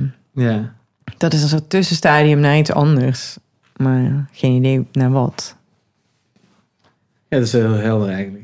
Ja, en soms ben ik ook bang dat ik de hele tijd op een podium sta. Natuurlijk, als je vanaf het moment dat je jezelf als een soort psychoanalytisch project ziet, gewoon om iets te bewijzen, snap je, aan die kinderen in de lagere school die me pesten, omdat ze me raar vonden. En ik denk, zie je nou wel dat ik iets kan? Zie je nou wel dat ik bijzonder ben? Dat ik de hele tijd de drang heb om, snap je, in elk fucking reisgroepje in een bus toch als de bijzondere te willen worden gezien. En dat, en dat dat echt eindeloos vermoeiend is of zo. Of dat die strijd pas stopt als ik, als ik er genoegen mee neem dat ik gewoon precies als de rest ben of zo. Ja. Toch echt Ja. precies Lady Gaga dus. Die- ja, maar als je dat ziet hoe dat die, eh, eindigt, als je daarin blijft hangen, zeg maar. ja. Je moet gewoon even voor de grap 48 uur naar de Instagram van Madonna kijken. En dan denk je, oh jeetje. Als je dat gat aan de achterkant niet vult, dan... Ja. ehm, Ja, ik vind het eindeloos boeiend. Want bijvoorbeeld als je dan weer zo eh, naar Marilyn Monroe kijkt of zo. Dan, ja, heb je die je documentaire gezien op eh, Netflix net? nee, nee, nee. Of Maar ik, ik, heb, ik heb Ah, laatst eh, in zo'n in zo'n bak met gratis boeken vond ik een biografie van haar. Daar heb ik een heel klein beetje in liggen bladeren. Ik heb het nog niet gelezen, maar dat was meteen zo boeiend. Want dan zie je dus dat iemand gewoon echt leiding neemt over die, over die situatie waarin je... Iemand anders dan zijzelf. Nee, zijzelf. Oh, dus, ja. dus ik zie dat die avatar die ze gecreëerd heeft voor zichzelf, die, die, die vrouw die iedereen wil of zo, of die soort, soort avatar eigenlijk echt, hè? Soort, Totaal, ja. eh, dat, dat, dat is haar verzinsel of zo, die ze ook belichaamt, en die, maar die ze niet is of wel een beetje is. Of, dat is gewoon, dan zie je dat iemand daar leiding over neemt. Dus dat, is daar wel echt aan onderdoor gegaan, toch? dat is wel. Het is wel maar, die, maar, maar dan die eerste stap If it van... kills you, it's maybe not the best Ja, strategy ja, ik zei, for ik ben, ben- survival. ik ben er net in begonnen, maar ik, heb, het- Ah, ja? ik weet, heel, She weet ook niet dies. alles van. Maar ik bedoel, je ziet dat die eerste stap is echt een stap die precies hetzelfde is voor, zoals vaak kunstenaarschap begint. Of weet je het, is een soort, het lijkt een soort van... Dat is toch ook kunstenaarschap? Ja, precies. Ja, Ja. precies. Dus, dus, dus dat snap ik heel goed. Dat je dus dat ja, op die manier aanvliegt. Ja, alleen als op een bepaald moment iedereen daarin gaat geloven, dan moet je wel heel sterk in je schoenen staan om zelf te blijven denken. eh, I am Jenny from the block, snap je? Don't be fooled by the rocks that I've got. Ja, Ja. want als je zelf begint Ja. te denken, wat ik zie bij, bij al die filmpjes van Lady Gaga, dat zij zo inspirational is voor de wereld. En dat zij het, Ja. ja, ik bedoel, ja, misschien kom je daar al snel bij uit, bij dat idee van de Messias. In, ergens moet je ook denken dat je een soort Messias bent voor je eigen volgersgroep. Want anders moet je niet op dat podium gaan staan. Want dan geef je dus geen extra waarde of betekenis aan die tijd van die mensen die naar jou komen kijken.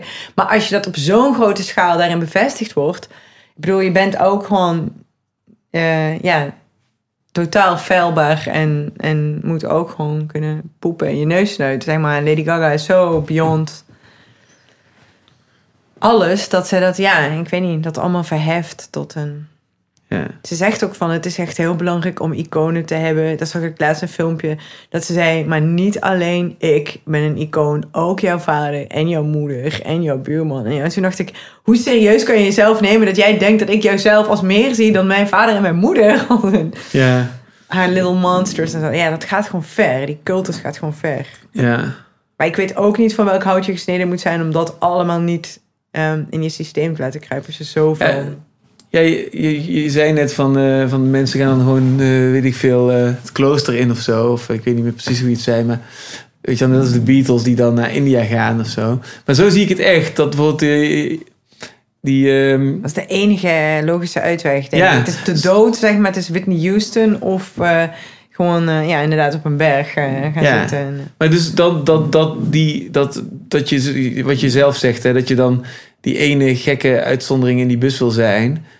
Dat je dat weer gaat zien als iets universeels. Omdat iedereen wel iets heeft waar hij dus goed in is. Maar je- Ja. wat vergt het om wat, wat dat is? Dat talent om dat in beweging te krijgen en in het praten brengen, om dat te laten werken. ja. En dus dan zie je al het andere als extra huiswerk of wat je nou eenmaal moet doen voor die job. En dat Ja. kun je relativeren doordat iedereen in zijn of haar leven datzelfde uitvogelt. Of je nou een sigarenverkoper bent of, of een wereldster. Dat het allemaal een beetje basically all the same is. Dat inzicht, dat gewoon eh Indiase wijsheid uit de klassieke oudheid is of zo. Dat is waar je uiteindelijk, als het goed is, als je een beetje ook, ja, niet helemaal twisted, fucked up bent. maar, wat je op een gegeven moment wel gewoon doorkrijgt. Ja, en dan ja. is de cirkel weer rond. En dan kun je volgens mij ook alweer door. Of zo zie ik het zelf een beetje. Ik heb dat vaak met, omdat mensen nu de hele tijd aan het eh, cultureel, of nee, niet waar cultureel, gewoon aan het ondernemen zijn. Met die oortjes en op die laptops en, en die Ja. iPhones in de bus en op terrassen en zo. Dus als je dan even in je eentje gaat zitten op een terras en je ziet, oh, je, hoort, je luistert naar al die gesprekken van al die ZZP'ers achter die laptops. Dan zegt iemand, ja, maar we moeten dat echt samen evalueren. Want je ziet nu gewoon in de cijfers dat het echt niet meer kan. En dan hoor je iemand anders, ja, maar trickle-down effect moet gewoon...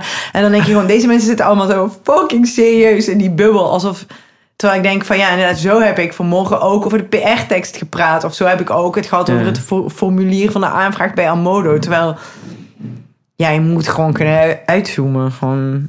Het is ook heel moeilijk om jezelf echt bloedserieus te nemen en helemaal erin te gaan. En wel altijd het vogelperspectief te proberen houden.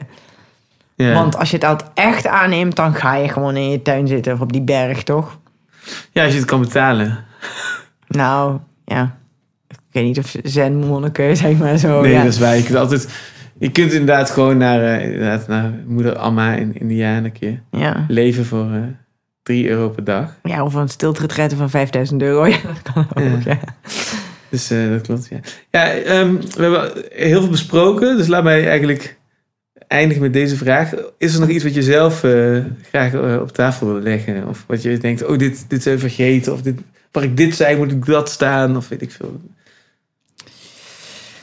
Nee, nee. Wauw, die boor. Nee, ja, ik... ehm ja, probeer er even oprecht over na te denken. Nee, het enige wat ik denk is dat ik hoop dat ik doordat ik zo moe ben aan het einde van het seizoen niet gedesillusioneerd over eh, mijn werk of de sector overkom. Dat ik wel echt het leukste beroep van iedereen in de wereld heb voor mijn gevoel. Ehm, maar dat is denk ik eh, het enige. Ja, er zijn nog duizend dingen die ik wil zeggen over die nieuwe voorstelling. Maar dat wil ik dan misschien liever zeggen in die voorstelling Ja, dan in een gesprek daarover, zeg maar. Ik ben wel blij dat we, zeg maar, over al die, ehm, die thema's waarvan ik dacht dat we het zouden hebben, hebben gehad. Maar in zo'n ehm, ja, totale openheid of zo, of niet polemiek. Dat ik het ook niet saai moet vinden om niet polemisch te zijn. ja inderdaad, Ja. ja. Ja. Ja, maar dat is, dat is inderdaad zo lastig om, eh, om de hele tijd die polemiek te vermijden hè, als je het over die thema's hebt. Maar, ja. Ja, en om ook niet doodgeslagen te zijn doordat je denkt, ja, maar ik kan dit echt niet maken, want stel er luistert straks een, eh, een verkracht meisje of iemand zeg maar, die zoveel racisme meemaakt dat die denkt van ja, jij hebt makkelijk praten, maar dan kan je niet meer praten. Zeg maar. Ja. Dan kan je gewoon letterlijk niet meer nadenken. Dus met al, dat is, ik vergeef mezelf mijn mega over zelfbewustzijn. Oh ja. En bij deze ook het feit dat ik ondanks dat gewoon over alles gepraat heb, alsof ik er ook gewoon de ballen iets van weet. Ja. Ja, nee, Ja. Dat, laat me dat nog vragen tot slot. Ehm, je zei net ook van, ehm, dat je vanuit dat, dat mega zelfbewuste, eh, dat, je, ja, dat je dus over een voorstelling een jaar nadenkt voordat je iets, iets, iets op het podium brengt, omdat je bang bent dat je mensen een tijd verdoet. En dat is ook meteen bij een podcast. eh, slaat die angst toe, terwijl je dat nu hebt los moeten laten. Terwijl nu moet je het in mijn nu is, ja, nu is het in, nu hangt het van mij af, zeg maar. Dus Ja. ja, ja daar ben ik benieuwd. Eh, Heb je het gevoel dat je dat kunnen loslaten? Of ben je nog steeds als een soort van... Nee, ik ben nog steeds regisserend aan het terugdenken. Met, met- dat ik denk van ja, dat stuk moet eruit. En, dat, en daar- daar heb ik te veel voor mezelf gehad. En dan, nee, dat, dat blijft wel. Maar ik weet niet of dat een angst is of dat ik dan. Dat, dat ook mezelf, dat dat ook een kracht is of zo. Dat ik. Ik vind dat veel mensen. Ik vind enerzijds dat mensen kunstenaars serieuzer mogen nemen als denkers in de wereld. En ik vind dat kunstenaars dat ook van zichzelf wel iets vaker zichzelf. Niet, niet ten aanzien van jou nu. Als ik denk dat jij heel goed nadenkt over wat je allemaal wil vertellen. Met al je kunstvormen, zeg maar. Maar ik vind dat. Ik heb dat. Nee, ik heb dat niet kunnen loslaten. Maar ik vergeef mezelf ook dat ik dat niet heb kunnen loslaten. Omdat dat ook maakt dat ik, dat ik lang nadenk voordat ik iets zeg of zo. Ja. En voor mij gaat zo'n podcast echt juist over loslaten. Ja, zeker. Ik wil dat, eh, loslaten. maar dat, ik wil, ik, ja. ik, ik- sinds ik besloten heb dat ik gewoon helemaal scheid aan heb hoe, hoe, hoe dat overkomt, werkt het ineens. Dus nou ja, het is altijd, Ja, maar dat snap ik binnen het kunstwerk van de podcast zelf. Ja. Bij mij heeft het natuurlijk ook repercussies, eh, repercussies op hoe mensen naar mijn werk gaan kijken of zo. Ja. Maar de, de- ook, ja, dat, dat boeit niet. Als ik moet dat echt leren loslaten. Want anders word ik echt inderdaad helemaal gek. Dan zit ik in een soort van hoax van eh, zelfbewustzijn. En, ja, Ja. heerlijk. Ja. Lekker los, lekker spontaan Ehm, gesproken. Hey, ik, eh, ik, ga je nog Permanent Destruction spelen op eh, plekken in de, in de nabij Ja. toekomst? Ga ik Eh, er even reclame maken voor ja, de luisteraar. Want ik vind, eh, mocht je geïnspireerd zijn en, eh, ja. en al die uren geluisterd hebben, ga ook zeker naar de voorstelling. Ja, Permanent dat? Destruction. Het derde deel, Pain Against Fear, staat op Down the Rabbit Hole. In, zeg maar, de theatertent is dat dan, denk ik. En dat is een soort van Divina Commedia van 12 uur lang. En wij staan om kwart voor 12 elke avond. Maar wat is het? 1, 2 en 3 juli. We staan op Theater aan Zee met het eerste, tweede en het derde deel. Ehm, dat is eh, eind juli, begin augustus. Dus dat is in Oostende in België. En we staan op Lowlands in de X-Ray. Volgens mij in mijn hoofd op 20 augustus. Maar dat is ook met het derde deel. Dus eh, check vooral de programma's van eh Down the Rabbit Hole, Theater aan Zee en Lowlands. Ja, en cool. en kom kijken. Leuk. Ja, nou heel erg bedankt voor je energie en aandacht en, Nee, jij bedankt. En Yes. zelfbewustzijn. en zelfbewustzijn. Punt.